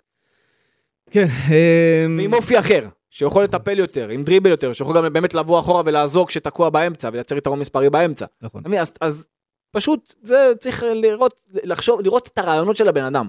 להבין כאילו ממנו מה, איך הוא חושב. כן, טוב, בעת ההקלטה אנחנו מקליטים, השעה עכשיו 11:34 ב- ב- בלילה. אה, בסוף ייתן פה נשיקה בסילבסטר. לא הייתה הודעה ממכבי תל אביב אחרי המשחק, זאת אומרת, כמו שאנחנו אה, מדווחים בתקשורת, איביץ' ימשיך למשחק נגד אה, בני סכנין, זה יהיה המשחק האחרון שלו. אה, הוא ביום רביעי, על פי מה שאני יודע לפחות, יום רביעי הוא כבר טס אה, ועוזב את ישראל.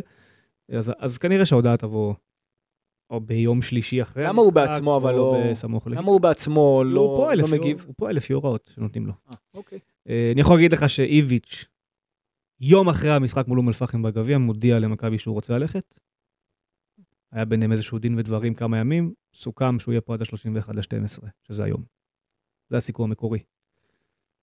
נתן להם כביכול שלושה שבועות למצוא מאמן חדש. לא הצליחו עדיין למנות את המאמן החדש הזה, ולכן הוא התבקש לסחוב עוד אה, שלושה ימים למשחק גביע נגד סכנין, יום שלישי בבלומפילד. ופה, אחרי זה הוא הולך. מכאן מה שמכבי תעשה, אם לא יהיה לה מאמן עדיין סגור, אז מה שיקרה יקרה, אבל מכבי שוב משדרת החוצה, אולי משקרים, אבל משדרת החוצה, שיצחקי לא יהיה על הקווים. נגד אשדוד, זה אומר שאם זה, זה המסר שהם אה, מוציאים החוצה, אז, אז יש מאמן. כן, אז יש מאמן. כן. עכשיו תפקידך להגיד לנו מי המאמן. אני אנסה. אה, כן, שוב, זה, זה המצב, יש, לך מושג לגבי הפרופיל שאותו מחפשים, לפחות?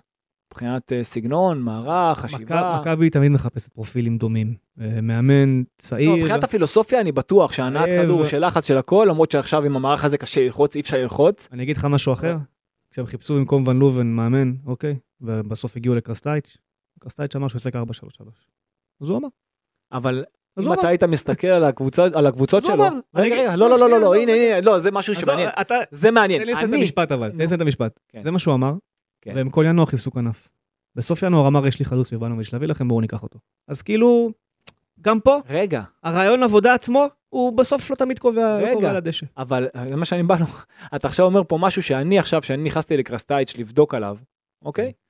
ואני הסתכלתי על הקבוצות שלו, ועל איך שהוא שיחק, וראיתי פעם 4-4-2, פעם 4-4-2 יהלום, פעם 4-3-3, פעם 4-5-1, פעם 5-3-2, שזה מה שקרה גם במכבי בפועל. וזה מה שקרה. אז אם אתה רואה שזה מאמן ככה משחק, נכון. אז אתה צריך להבין שהוא, עזוב מה הוא אומר, הרי הכי קל להגיד אני משחק 4-3-3, הכי קל בעולם להגיד את זה. נכון. אז בגלל זה צריך לדעת לבדוק את זה. אני, אני בוא, כנס לסוף הסקור, כנס למה שאתה רוצה, לסוקרווי, כנס, כנס לקבוצות שלו, אתה תבין. עדיין הוא יכול... לא עשה את זה. אוקיי, ועדיין יכול להיות מצב שהם ראיינו עכשיו שני מאמנים, אוקיי, הסופ... אז נגיד השניים הסופיים, הם אותו הדבר בדיוק, כן. שמשחקים כל העונה, כל החיים שלהם 4, 2, 3, 1, ויש להם 20% מהמשחקים שהם משחקים 3, 5, 2, והוא יבוא, יראה את הקבוצה ויגיד, יודע מה? אני רוצה 3, 5, 2. מה אתה עושה? כבר מינית אותו, אז תביא לו עוד חלוץ, ותביא לו עוד אוקיי. מגן. סבבה. וזה זה הכל. אז השורה התחתונה, ופה אנחנו נחזור ליצחקי, שלא משנה מה קורה עכשיו, איזה מאמן מגיע, הוא חייב לקבל ב- ב- בינואר שני שחקנים לפחות. חד משמעית. שני זרים. חד משמעית. אחד על ג'רלדש ואחד על, אה, על פריצה שלא נמצא. נכון? תהיה להם בעיה בצד ימין לגבי מגן מחליף. אני יודע שגיא מזרחי רוצה לחזור מהפועל חיפה. אולי זה הפתרון. פתרון מצוין. כן. ואז הייתי מביא שני כנפיים. נכון. פתרון מצוין. נכון. נביא אותו, אופציה לקנדיל, נכון. יהיה יותר טוב, פחות טוב, שחרר את ג'רלדש, תביא נכון. שני כנפיים, שניים, נכון. מדהים. אתה רוצה בעונה הבאה להביא עוד מגן ימני מדהים, זר, מדהים. תעשה את זה בעונה הבאה. מ- לא, מ- מדהים, כן, נכון. הכל בסדר, אתה יכול. חד משמעית, אולי גם סמבורית יקבל אזרחות באיזושהי צורה. נכון? יכול לקרות. ואם לא, אז לא. ואז עוד אחד, כן. אה, כן, אה, שוב, זה, זה פתרונות שאתה יכול לנסות לייצר, אבל אה, הכנף על פריצה זה must. על העמדה שפריצה השאיר, זה must. אין פה. בכלל כאילו... אבל אם, אם עכשיו הם, אתה יודע, מראיינים מאמן, והוא עדיין דבק במערך הזה, כי הם עכשיו אומרים, לא נשנה אחרי מה שעשינו, וזה הסגנון וזאת הדרך, הם חייבים להביא חלוץ עם אופי אחר. נכון. חייבים. או לשחק עם יונתן כהן כחלוץ, ולא כווינגבק שמאלי. זה גם, גם אופציה. יונתן כהן כן יכול להביא לך עומק. הוא, כן, כן, נכון. אבל עדיין זה לא מטוס. ועדיין, זה לא, זה עדיין לא זה. בליגה הזאת הוא מטוס. לא, זה עדיין לא זה. אתה רואה שגם עכשיו, הרי למה שמו אותו צד שמאל? כן. שמו אותו כדי שהוא יוכל ללכת עם המהירות על הקו, ואז להכניס כדורים פנימה מקו הוא הרוחב. לא יכול ללכת עם המהירות לתוך הרחבה? הוא יכול, אבל הוא לא עושה את זה, הוא לא מאמין, הוא לא, הוא, הוא לא רגיל לעשות פעולות כאלה. אתה מבין מה קורה? כמו שאמרת, מאמן צריך למצוא פתרונות גם. נכון. אוקיי.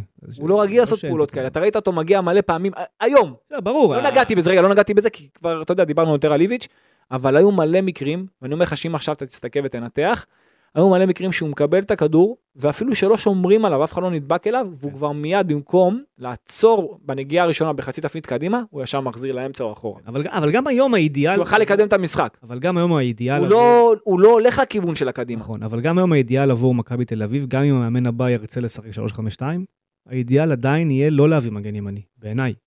האידיאל יהיה להביא כנף. בכל מצב צריך להיות פה כנף, ואם הוא הולך לא, אם אם הוא ל-3-5-2, משחק 5-3-2 אז מה יעשה לך כנף? אז הוא צריך להביא כנף שיכול גם אה, חלוץ. תשע... אה, אה, כן, second striker second כזה. striker, כן, נכון. זה מה שהוא צריך להביא. אבל גם עכשיו אתה יכול לשחק, הנה אמרת second striker, אתה יכול לשים את אה, אוסקר second striker ופרפה באמצע. נכון? אתה יכול. אתה יכול לעשות את זה. הרבה דברים. אתה לא יש לך הרבה דברים שאתה יכול לעשות, ואז אתה משחק עם כל אלה ביחד. אבל יש לך עוד אופי של שחקן אחר בחוד. אתה מבין שאחד שיכול גם כן באמת לרדת אחורה, לעזור בהנעת כדור וגם להצטרף מקו שני. אתה מבין? זה, ולהכניס גם את הפס. כן, אני שוב, אה, אני חייב להגיד שוב, המערך הוא הבעיה הכי קטנה שלי במכבי תל אביב. באמת שהמערך לא מפריע לי. זה עניין של איך גם- לשחק גם בתוך השחקנים- המערך הזה, ומה השחקנים- לעשות עם הסגל הזה תוך גם כדי. לקחת את אה, הניהול משחק היום היה כושל, אבל גם קראו את זה בהרבה משחקים. אני אחדד את זה. לקחת יונתן כהן, לשים אותו מגן, זה רעיון כושל. אני אחדד את זה. הבעיה שלי היא לא המערך, הבעיה שלי זה שאין פלן בי למכבי תל אביב של איביץ'. נכון. זו הבעיה שלי. זה- ואתה רואה את זה בניהול משחק. נכון. אתה רואה את זה בניהול משחק, אתה רואה את זה בחילופים, אתה רואה את זה בחשיבה, שם אתה רואה את זה הכי הרבה. אין פלן בי. אה, זו הבעיה. זו הבעיה וגם, המרכזית. וגם בפלן A יש דברים שמבחינתי לא, לא, לא, לא עוברים לי בגרון. גם A הוא יכול לעשות לא, דברים לא עובר לי, בג... לא זה עובר לי. בגרון שגלוך לא פותח, ולא נכון, עובר לי נכון, בגרון לא, שיונתן כהן מגן, ולא עובר לי בגרון, נכון, שלא משנה מה, יש שני חלוצים. מסכים איתך לגמרי. לא- מסכים איתך שגם בפלן לא משנה מה, שלושה בלמים. למה? מסכים איתך שבפלן A יש חורים, שאולי מאמן חדש הנה, היום, ישנה, רגע, אמרתי על החלוצים. ועדיין הבעיה שלי אצל איביץ' המרכזית זה לא שהוא רצה לשחק 352, זה שהוא לא הכין תוכנית ב'. שפי כזה, זה שם גנרי מבחינתי, זה יכול להיות כל שחקן כנף אחר, היה מייצר לו תוכנית ב'. נכון. אין לי- את זה, יש לו, הוא יכול הוא יכול לעשות את זה. נכון. מעשה שלו יש לו, הוא פשוט נעול. פשוט נעול. איפה לא- אתה רואה שהוא לא לעשות נעול? איפה אתה רואה שהוא נעול? היום לא סבורית יכל לשחק, ולא פיבן יכל לשחק, ודיברנו על זה קודם, אני ואתה נכון. לפני שהקלטנו. ונחמיאס? גמר את העונה. נכון, עכשיו, אין לו בלמים בעצם. אין- אין לו בלמים, שלושה. אין לו מחליף בחוץ, זאת אומרת אם עכשיו אחד נפצע, מה הוא עושה? שם את דור. פרץ בלם? כן. אז למה, כאילו מה, אתה תקוע על השלושה בלמים? כן. מה העניין? כן. גם בדקה 80 שאתה באחת אחת עם קריית שמונה? כן. שאתה לא צריך שלושה בלמים? כן. אתה מבין את העניין? נכון. זה ניהול משחק, לא... לא אפוי. אבל זה מה שאמרתי, זה הפלן בי, אין פלן בי. יש דרך אחת, יש one way וזהו. וזה לא נכון למועדון כדורגל, בטח לא למועדון גדול. דרך אגב, לתיאום... עם סגל כזה עכשיו, רחב. אני, עכשיו אני, אני אגיד משהו לטובתו. לתיאום זה יכול להיות טוב, אבל הוא שם את השחקנים הלא נכונים. בסדר. לא. לתיאום זה יכול להיות מצוין, שהוא הולך עם מערך, לא משנה מה, הכל בסדר, אבל אתה חייב שיהיה לך זהו. אה, עוד אפשרות. חד לא- משמעית, אני- חייב לייצר פתרונות. אני לא אומר לך שחק יום אחד ככה, יום אחד ככה, יום אחד ככה, אני לא אומר לך תעשה קרסטייץ'. חד משמעית. שחק כל העונה 352. אבל שתהיה לך את האפשרות תוך כדי משחק, או באירועים נקודתיים, כמו נגד מכבי חיפה באר שבע, ששם המערך הזה לא עובד. אופי אחר? שחקנים אופי אחר. שיהיה לך את האפשרות. כן, משהו אחר. אבל הוא לא רצה. נכון. וזה, שוב, פה אני אומר, בגלל זה אני אומר, זו ההתעקשות, פה הייתה צריכה להיות ההתעקשות של יצחקי כמנהל ספורטיבי, באיזשהו- במרכאות להכריח אותו, כן, לקחת כנף כבר בתחילת החלון. אתה לא רוצה אותו, אבל לפחות שיהיה לך את העוד אופציה, את הפלן בי. למכבי הזאת אין פלן בי, ואני שם כוכבית על כל מה שאמרנו, המשחק הזה, איביץ' עשה מה שעשה, זה 80% השחקנים. 90, 90% השחקנים, יאללה, זרמתי איתך. 90, חד משמעית. שחקנים 90%, עם זה היה צריך להיגמר עם גול. אני חושב שאנחנו באים תמיד והכי קל לבוא על המאמן, חד משמעית, מה זה גול? לא, אני אומר, היה צריך. לבוא עם גול ניצחון. עוד- הרבה. נכון. עוד הרבה. לא, אבל היו מלא מצבים. ברור שבאנו על איביץ' היום, כי זה אה, פרק פרידה אה, מאיביץ', ולכן, וגם שוב, הוא גם עשה מעשה מגעיל. זה צריך, הוא עשה מעשה מגעיל. אני לא מבין מה יש לו לחפש שם, לא. מבין מה יש לו לחפש שם בקור הזה. כסף. כן. זה מה שחסר, זה מה שהוא הלך. Uh, טוב, אנחנו כבר שעה ורבע פרק, uh, אבל מצד שני לא הייתי פה הרבה זמן, אז היה לי חוסר. Uh, היה לי הרבה מה להגיד. Uh, סכנין, שלישי, מכבי יש לך שתי מטרות, אחת, שלא תהיה הכרעה בסמי עופר או שבאר שבע תנצח, נכון. ואם היא לא מדיחה את סכנין בשלישי בגביע, אני- קטסטרופה שאין אין לתאר, כאילו. נכון, וזה לא... אסון לעונה הזאת. ואני... עוד אני- אסון לעונה הזאת. זה לא יהיה נעים, אבל תשמע, זה כדורגל, הכל יכול להיות. אתה יודע, גם גביע, אתה יודע שיש לו חוקים משלו, ועזוב שזו קלישאה, אבל ברור. זה באמת כך. לא, משחק אחד, הכל יכול גם זה להיות. משחק אחרון שלו, אבל עדיין אני באמת מאמין שזה, שזה לא יקרה, שהכל יהיה בסדר. שהם יעברו. כי תשמע, אני מסתכל תמיד, ואני, עוד פעם, עם כל הביקורות שהיו לנו היום, ובכלל, הרי אתה יודע שאני הרבה מחמיא לו, בוא, הקבוצה שיחקה, הגיעה לאינספור מצבים. נכון? אם היא תשחק אותו דבר, היא תנצח. ב- ב- איך שהיא שיחקה, ביכולת. כן. אוקיי, אין, הרי זה החמצות הזויות, זה החמצות שזה לא, זה לא אמיתי. בלומפילד גם נכנס זה יכול לקרות פעם, פעמיים בעונה, כמו שנאמר, וזה קרה כבר פעמיים. בוא נקווה שזה לא יקרה עוד לא פעם. עוד פעם. לא, בוא נקווה שזה לא יקרה עוד פעם. אה, כן. זה יכול לקרות עוד פעם, זה יכול לקרות, אבל זה נדיר. סכנין יש שם גם בעיות עכשיו, אפילו להפועל חיפה. אתה יודע מה אני רוצה? אין להם שוער. אתה יודע מה אני רוצה? שגם נגד באר שבע וגם נגד חיפה, שישחקו ככה. וגם תפסיד, או לא תוציא נקודות, אבל שישחקו ככה. שישחקו טוב, שיגיעו למצבים. נכון. זה העניין, לא שלא תגיע למצב בכלל כל המשחק. טוב, פרק הבא יהיה אחרי אשדוד, אה, ויגיע מאמן, אני מניח, זאת ההנחה. יהיה הרבה מה לדבר, גם על מה הוא עושה, יש הרבה נקודות, של- אבל לשמור את זה לפרק הבא. יש הרבה דברים שצריך לפתור אותם עכשיו. הסגל הזה הוא, הוא יותר מדי. זאת הנה, אומרת, עכשיו יש לך זמן, יותר החלון מדי נפתח. קשרים, על אותה עמדה בדיוק, ודורקים אחד על השני. נכון. אה, יש מה, יש מה לטפל, אוקיי? זה לא רק להשאיל את זהו, זה לא רק מי להביא, זה גם מי זה לשחרר. לא רק להשאיל את דן ביטון ורועי רביבו, שזה הקל וזה יקרה. אחד יהיה כנראה בביתר והשני בהפועל ירושלים. זה, זה, זה הכיוון, אוקיי? אבל זה, אתה יודע, כאילו, יש עוד דברים לעשות. ברור. יש שם עוד קשר אחד לפחות שצריך ל, ל, לנקות, לפחות. אה, ונוברים אה, שכזה. אה, יש מה לעשות, יש מה לעשות, וגם בזרים דיברנו מה צריך להביא בעינינו. בישראלים אני לא יודע, כאילו מה... שבירו, אם, אתה, אם, אם המאמן הבא רוצה שני חלוצים, אז שבירו. אין לך ברירה, שתהיה לך אופציה, אבל גם הוא, אני לא בטוח שהוא ירצה לבוא להיות נכון. חלק מהדבר הזה. אפשר לדעת. הוא לא ירצה. אני לא מאמין שהוא ירצה, אבל, הוא לא ירצה. אני אומר לך שהוא לא ירצה. אבל אם, אם יבטיחו לו משהו מסוים, אז אולי כן. לא יבטיחו לו על חשבונם. לא יבטיחו לו, תשמע, יבטיחו לו כסף, זה העניין, אבל הוא לא, הוא לא ירצה. הוא, הוא, הוא סוג של שחקן, ואני יכול להבין את זה, שהוא מעדיף לשחק. טוב, הגיוני. Uh, זהו, זה היה הפרק. אני רק רוצה לסיים. התחלתי בצורה מסוימת את הדברים שלי, אני גם אסיים בנושא הזה. קודם כל, תודה לשניכם שהחזקתם פה את הפודקאסט uh, בלעדיי, לך ולגידי ליפקין. Uh, מאוד אהבתי שבזמן כל ה... ניסיתי מאוד להתנתק ובאמת לא להיות ב... באמת כמעט ולא קראתי מה קורה. אפילו אתה שאלת אותי באיזשהו שלב מה איביץ' הולך וכזה, אמרתי, מה, על מה הוא מדבר בכלל? כאילו הייתי כזה אאוט קצת. שמעתי על איביץ', כאילו, גידי בא לשבעה לנחם, ושם הוא סיפר לי שהוא פרסם את זה, אפילו לא היה לי מושג שזה, שזה קורה. אה, אה, היה לי כאילו מאוד אה, כיף לראות את דוד רוזנטל, העורך הראשי של וואלה ספורט, כותב כתבה על הנושא ומפרגן לוואן ולגידי על חשיפת הידיעה. זה עשה לי טוב על הלב, כי זה הראה לי שעדיין יש קולגות במקצוע הזה, בניגוד לאיש אחד מאוד ספציפי, ממורמר ומתוסכל, שחרר אותו. שאין לו מושג מה קורה בקבוצה, אז uh, גם השבוע היה לו מאוד חשוב uh, להכניס לי uh, איזושהי קטנה באחד התוכניות שלהם. Uh, גם כשהייתי, כאילו, שבוע לא עבדתי, עדיין הייתה סיבה לבקר אותי, אתה מבין? מה הייתה הסיבה? שלא ביקרתי את מכבי על מה שקורה עם איביץ'. אני בכלל לא עובד, חזרתי לעבוד ביום חמישי, אבל היה מאוד חשוב לעשות פינת תקשורת ולהכניס אותי עוד פעם בתוך הדבר הזה, ולא לכבד בן אדם אה, בעת אה, צערו.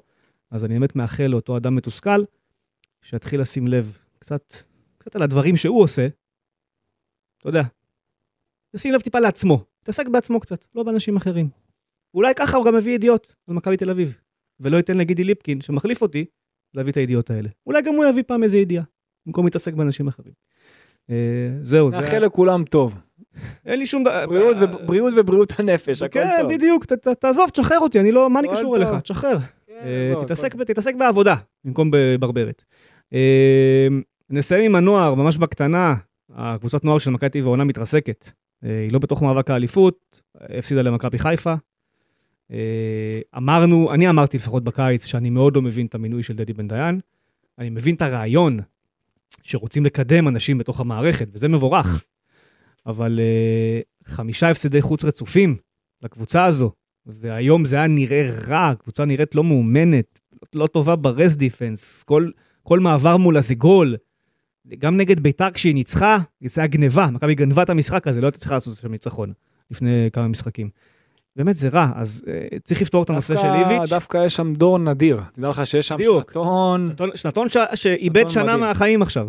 הוא הלך אחורה קצת. הלך אחורה, ברלין, אורל באיה, הלכו אחורה. הלכו. אחורה, וזה לו כישרונות אדירים, בטח ברלין. במיוחד ברלין. תקשיב, יש שם שנתון. גם ו- קורדובה, מה? גם יש קורדובה. שם שחקנים אדירים, באמת. אז, אז באמת, נאווי, יש, לא חסר. לא חסר, באמת יש שם שחקנים מכבי תל פנטסטיים. אביב. זה אחד השנתונים עכשיו- הטובים, סליחה, זה אחד השנתונים הטובים שהיו למכבי תל אביב מאז זה השנתון ה-96. הכי טוב היום בליגת העל לנוער, כן, והוא כן. נראה נורא. והוא, וזה, וזה, אבל עזוב את התוצאות, אני, אני בנוער לא אוהב להסתכל על תוצאות. אני מסתכל על יכולת. אני אומר, היכולת, הוא נראה נורא. כן, היכולת לא מספיק טובה. לא יכולת, אין, נמצא- אין שם כלום. ציפיתי מהם להרבה יותר. קבוצה לא מאומנת, ואני שומע את הביקורות על דדי בן דן מתחילת העונה. שזה לא, שזה לא, זה לא הרמה, זה לא מה שהם חשבו שיהיה. אה, אני מבין שמכבי מתעקשים ורוצים ללכת איתו עד הסוף, יש לה בעיה עם, עם המאמן הבוגר מן הסתם, אחרי זה צריכים לעבור גם לנוער ולטפל מי מינה אותו? גם בנושא הזה של הנוער, וקלאודיו ברגה, המנהל המקצועי, הפורטוגלי, עשה פה טעות עם דדי בן דיין, ואני חושב שזה כבר ברמת המעל, קלאודיו ברגה. צריך להיות כבר מעל קלאודיו ברגה. מיץ' גולדהר, כן, כי שפרסם- זה אותו בוגרים. כפי שפרסם גידי אה, ליפקין, ב... גם כשהייתי בחופשה, השקיע בעונה הקודמת 8 מיליון אה, שקל ב-2021. זה הרבה וזה ירד. זה שזה ירד זה בסדר, נכון. זה משחקים של ספר חשבונות. אבל הוא שם בכל עונה לפחות 8 מיליון שקל. משקיעים שם המון במחלקת הנוער. זה לא יכול לראות. בקבוצת הנוער לא ספציפית. זה לא צריך להיות ככה. הכסף הזה אמור לעשות הרבה יותר. ומכבי תל אביב, בשנים שהיא לא לקחה אליפויות לפני כן, אצל פטריק ון לובן, היא לפחות גידלה שחקנים. היא איבדה הרבה שחקנים. אבל גם גידלה. איבדה המון שחקנים. אבל קיבלת את דניאל פרץ, וגידלת את אוסקר גלוך. את אוסקר גלוך יכלת להרוויח לפני שנתיים. היו שם דברים שהם לא... אבל, הם גידלת אותם. חד משמעית. לא, במכבי תל אביב יש מחלקת נוער, מה שאני רוצה להגיד זה שהם לא הלכו אחורה. פוטנציאל אדיר. הם לא הלכו אחורה, דניאל פרץ ואוסקר גלוך. פה יש לך דור שהולך אחורה. יש לך שנתון שהולך אחורה. כן. ובזה צריך לטפל, לצד הנושא של איביץ' ומאמן מחליף, חלון העברות של ינואר, וזה תפקידו של יצחקי, כי הוא המנהל של הקבוצה הבוגרת, אבל אמרנו פה אנגלידיס וכאלה, צריך לטפל גם בזה. לא יכול להיות שקבוצת נוער של מכבי תל אביב, המחלקה הזו, זורקת עכשיו שנה לפח, וזה קורה כשאין לך בעצם את הקבוצת בת. השיתוף פעולה עם בית"ר תל אביב בת ים נגמר כשהם ירדו ליגה, ואין לך את המועדון הזה שהיה לוקח העולה לליגה הלאומית את ברלין ואורל באיה ונותן לך שם את האפשרות לפתח אותם. הם בעצם נשארו עוד עונה בנוער והלכו אחורה, שזה הכי גרוע. ומשחקים חריגי גיל, דבר שלא היה קודם כן, במכבי תל יש להם אביב. את כל התנאים. אז אני באמת, מסכים. זאת אומרת, הקבוצה הזו הייתה צריכה לקחת אליפות בהליכה בעונה הזאת. אוקיי, ואם לא עזוב לקחת אליפות אליפות, בהליכה, רז, עזוב אליפות. בדיוק, להיראות כמו קבוצת כדורגל טובה מאומנת. לייצר עוד שחקן כזה כמו שאוסקר עליו, ויש. ברלין צריך להיות כזה. חד משמעית. אני, אני רוצה, אני מחזיר את הקהל שמאזין לנו למשחק הראשון שברלין ואוסקר מקבלים הזדמנות נגד קביליו יפו. ברלין היה הרבה יותר מרשים מאוסקר באותו משחק. עכשיו, ברור שאוסקר הוא פוטנציאל, טאלנט, אתה יודע איזה פוטנציאל בר. ברור שאוסקר הוא טאלנט ענק מעל ברלין, גם ברלין. אבל ברלין הוא, לך, הוא אומר לך. רמה אחת למטה, וזה הרבה בליגה הזאת. זה צריך להיות הרבה בכדורגל אתה הישראלי. לא יודע איזה פוטנציאל הוא. אני באמת לא יודע, אבל שוב, ממה שראיתי בעיניים שלי, אבל העונה יש... אה, יש הלך מעט- אחורה, כן. הלך אחורה לגמרי, וזה קורה כי באמת עשו שם בחירה לא נכונה. וב- ובנוער צוות אימון זה דרמטי. זה דרמטי. בכל מקום. אבל אני חושב שבנוער אפילו יותר... כן, כי אחרי זה, אתה יודע, זה- יש עניין, כי ב- כמו שאני אומר, רגע, כמו שאני אומר עכשיו, שאתה נכנס לחנות, אוקיי? נכנס לחנות, אם אין לך מה לקנות, אתה תחזור לשם שוב? לא. לא, נכון? כי אתה, הרושם הראשוני, זה מה שחשוב. יכול להיות שאם אתה כבר קנית, אתה תחזור שם בטוח, ואז אה, אולי יהיה פחות דברים, פחות היצע בשבילך. אבל הרושם הראשוני, אין לו, אין, אין פעם שנייה לרושם ראשוני, מה ולכן, זה? שמתי אנדרון, נכון. לא נורא, ולכן, כן. כן, לא מצליח. לאט לאט. הנה, האנדר סיום הזה לא עובד. נו, בסדר. ולכן, כן. קבוצת הנוער, אה, שחקנים שהם אה, עולים לבוגרים, תהיה להם הזדמנות אחת, שתיים להוכיח, כמו שאוסקר משחק ראשון בא ונתן גול, נכון. אוקיי? אז כשהם מקבלים את ההזדמנות, הם יהיו צריכים כבר להיות שווים את זה. ועכשיו יהיה להם הרבה יותר קשה. כן, טוב. אנדר סיום, האם הוא יעבוד היום? או, הנה. אנדר. או סתם היית פסימי. ניסיתי, לחצתי על 50 פעם, אבל הוא נשאר תקוע על המכבי תל אביב הזה. אה, טוב, זה היה הפרק, שעה 24 ו-52 שניות. אה, וואו, פרק ארוך מאוד. אנשים יעשו את זה, תאזינו במקטעים. כן. ישמעו חלק אחרי סכנין, תחשבו שהיה עוד קחו פרק. את זה לשלוש, כן. שלושה קטעים יעשו. זהו, אה, אורן, תודה. כל טוב, רז אמיר, היה נפלא, וטוב שחזרת, התגעגענו, אין עליך. מקווה לא להיעדר, שוב, בטח לא מהסיבות האלה. אה, זהו, אה, לכם, המאזינים שלנו, רק מה, מה נותר להגיד, אה, אהבתם, תדרגו, תנו לנו בפרגון, יש לנו גם עמודי פודקאסטים ייעודיים עכשיו ברשתות, אז, אז שווה להוסיף עוקב, תהיו חשופים לעוד, אה, לעוד אה, קטעים. אה, שעולים מן הסתם במהלך השבוע, חלקים שנחתכים, כל מיני קידומים מעניינים. ושוב, גם הקטע של הדירוג זה, זה חשוב, זה מעניין. יש אולפן חדש, כיף באולפן החדש, הוא נראה יפה. מדהים. כן, אז אה, תצלם להם, תעלה להם איזה משהו. אני אני אעלה איזה משהו לאינסטגרם שתראו, אה, תכף זה גם יהיה הכל פה מצולם בכלל. אה, אז זהו, אז אם היה משהו שחסר לכם, איזה פינה שאתם חושבים שיכולה להתאים. סיפור, סיפור תמיד חסר להם. דברים, דברים נוספים שהייתם רוצים לשמוע, תכתבו לנו למייל הרשמי של ערוץ הפודקאסטים של וואן, פודקאסט עם s בסוף, שטרודל one.co.il. שתפו אותנו במחשבות שלכם, אם אהבתם את הפרק, דרגו אותנו בפלטפורמה שבה אתם אה, מאזינים לפודקאסטים, וגם ספרו אה, עלינו לחברים שעוד לא שומעים אותנו, למרות שלדעתי כבר אין היום באמת אנשים, לפחות אוהדי מכבי, שלא אה, מאזינים לנו.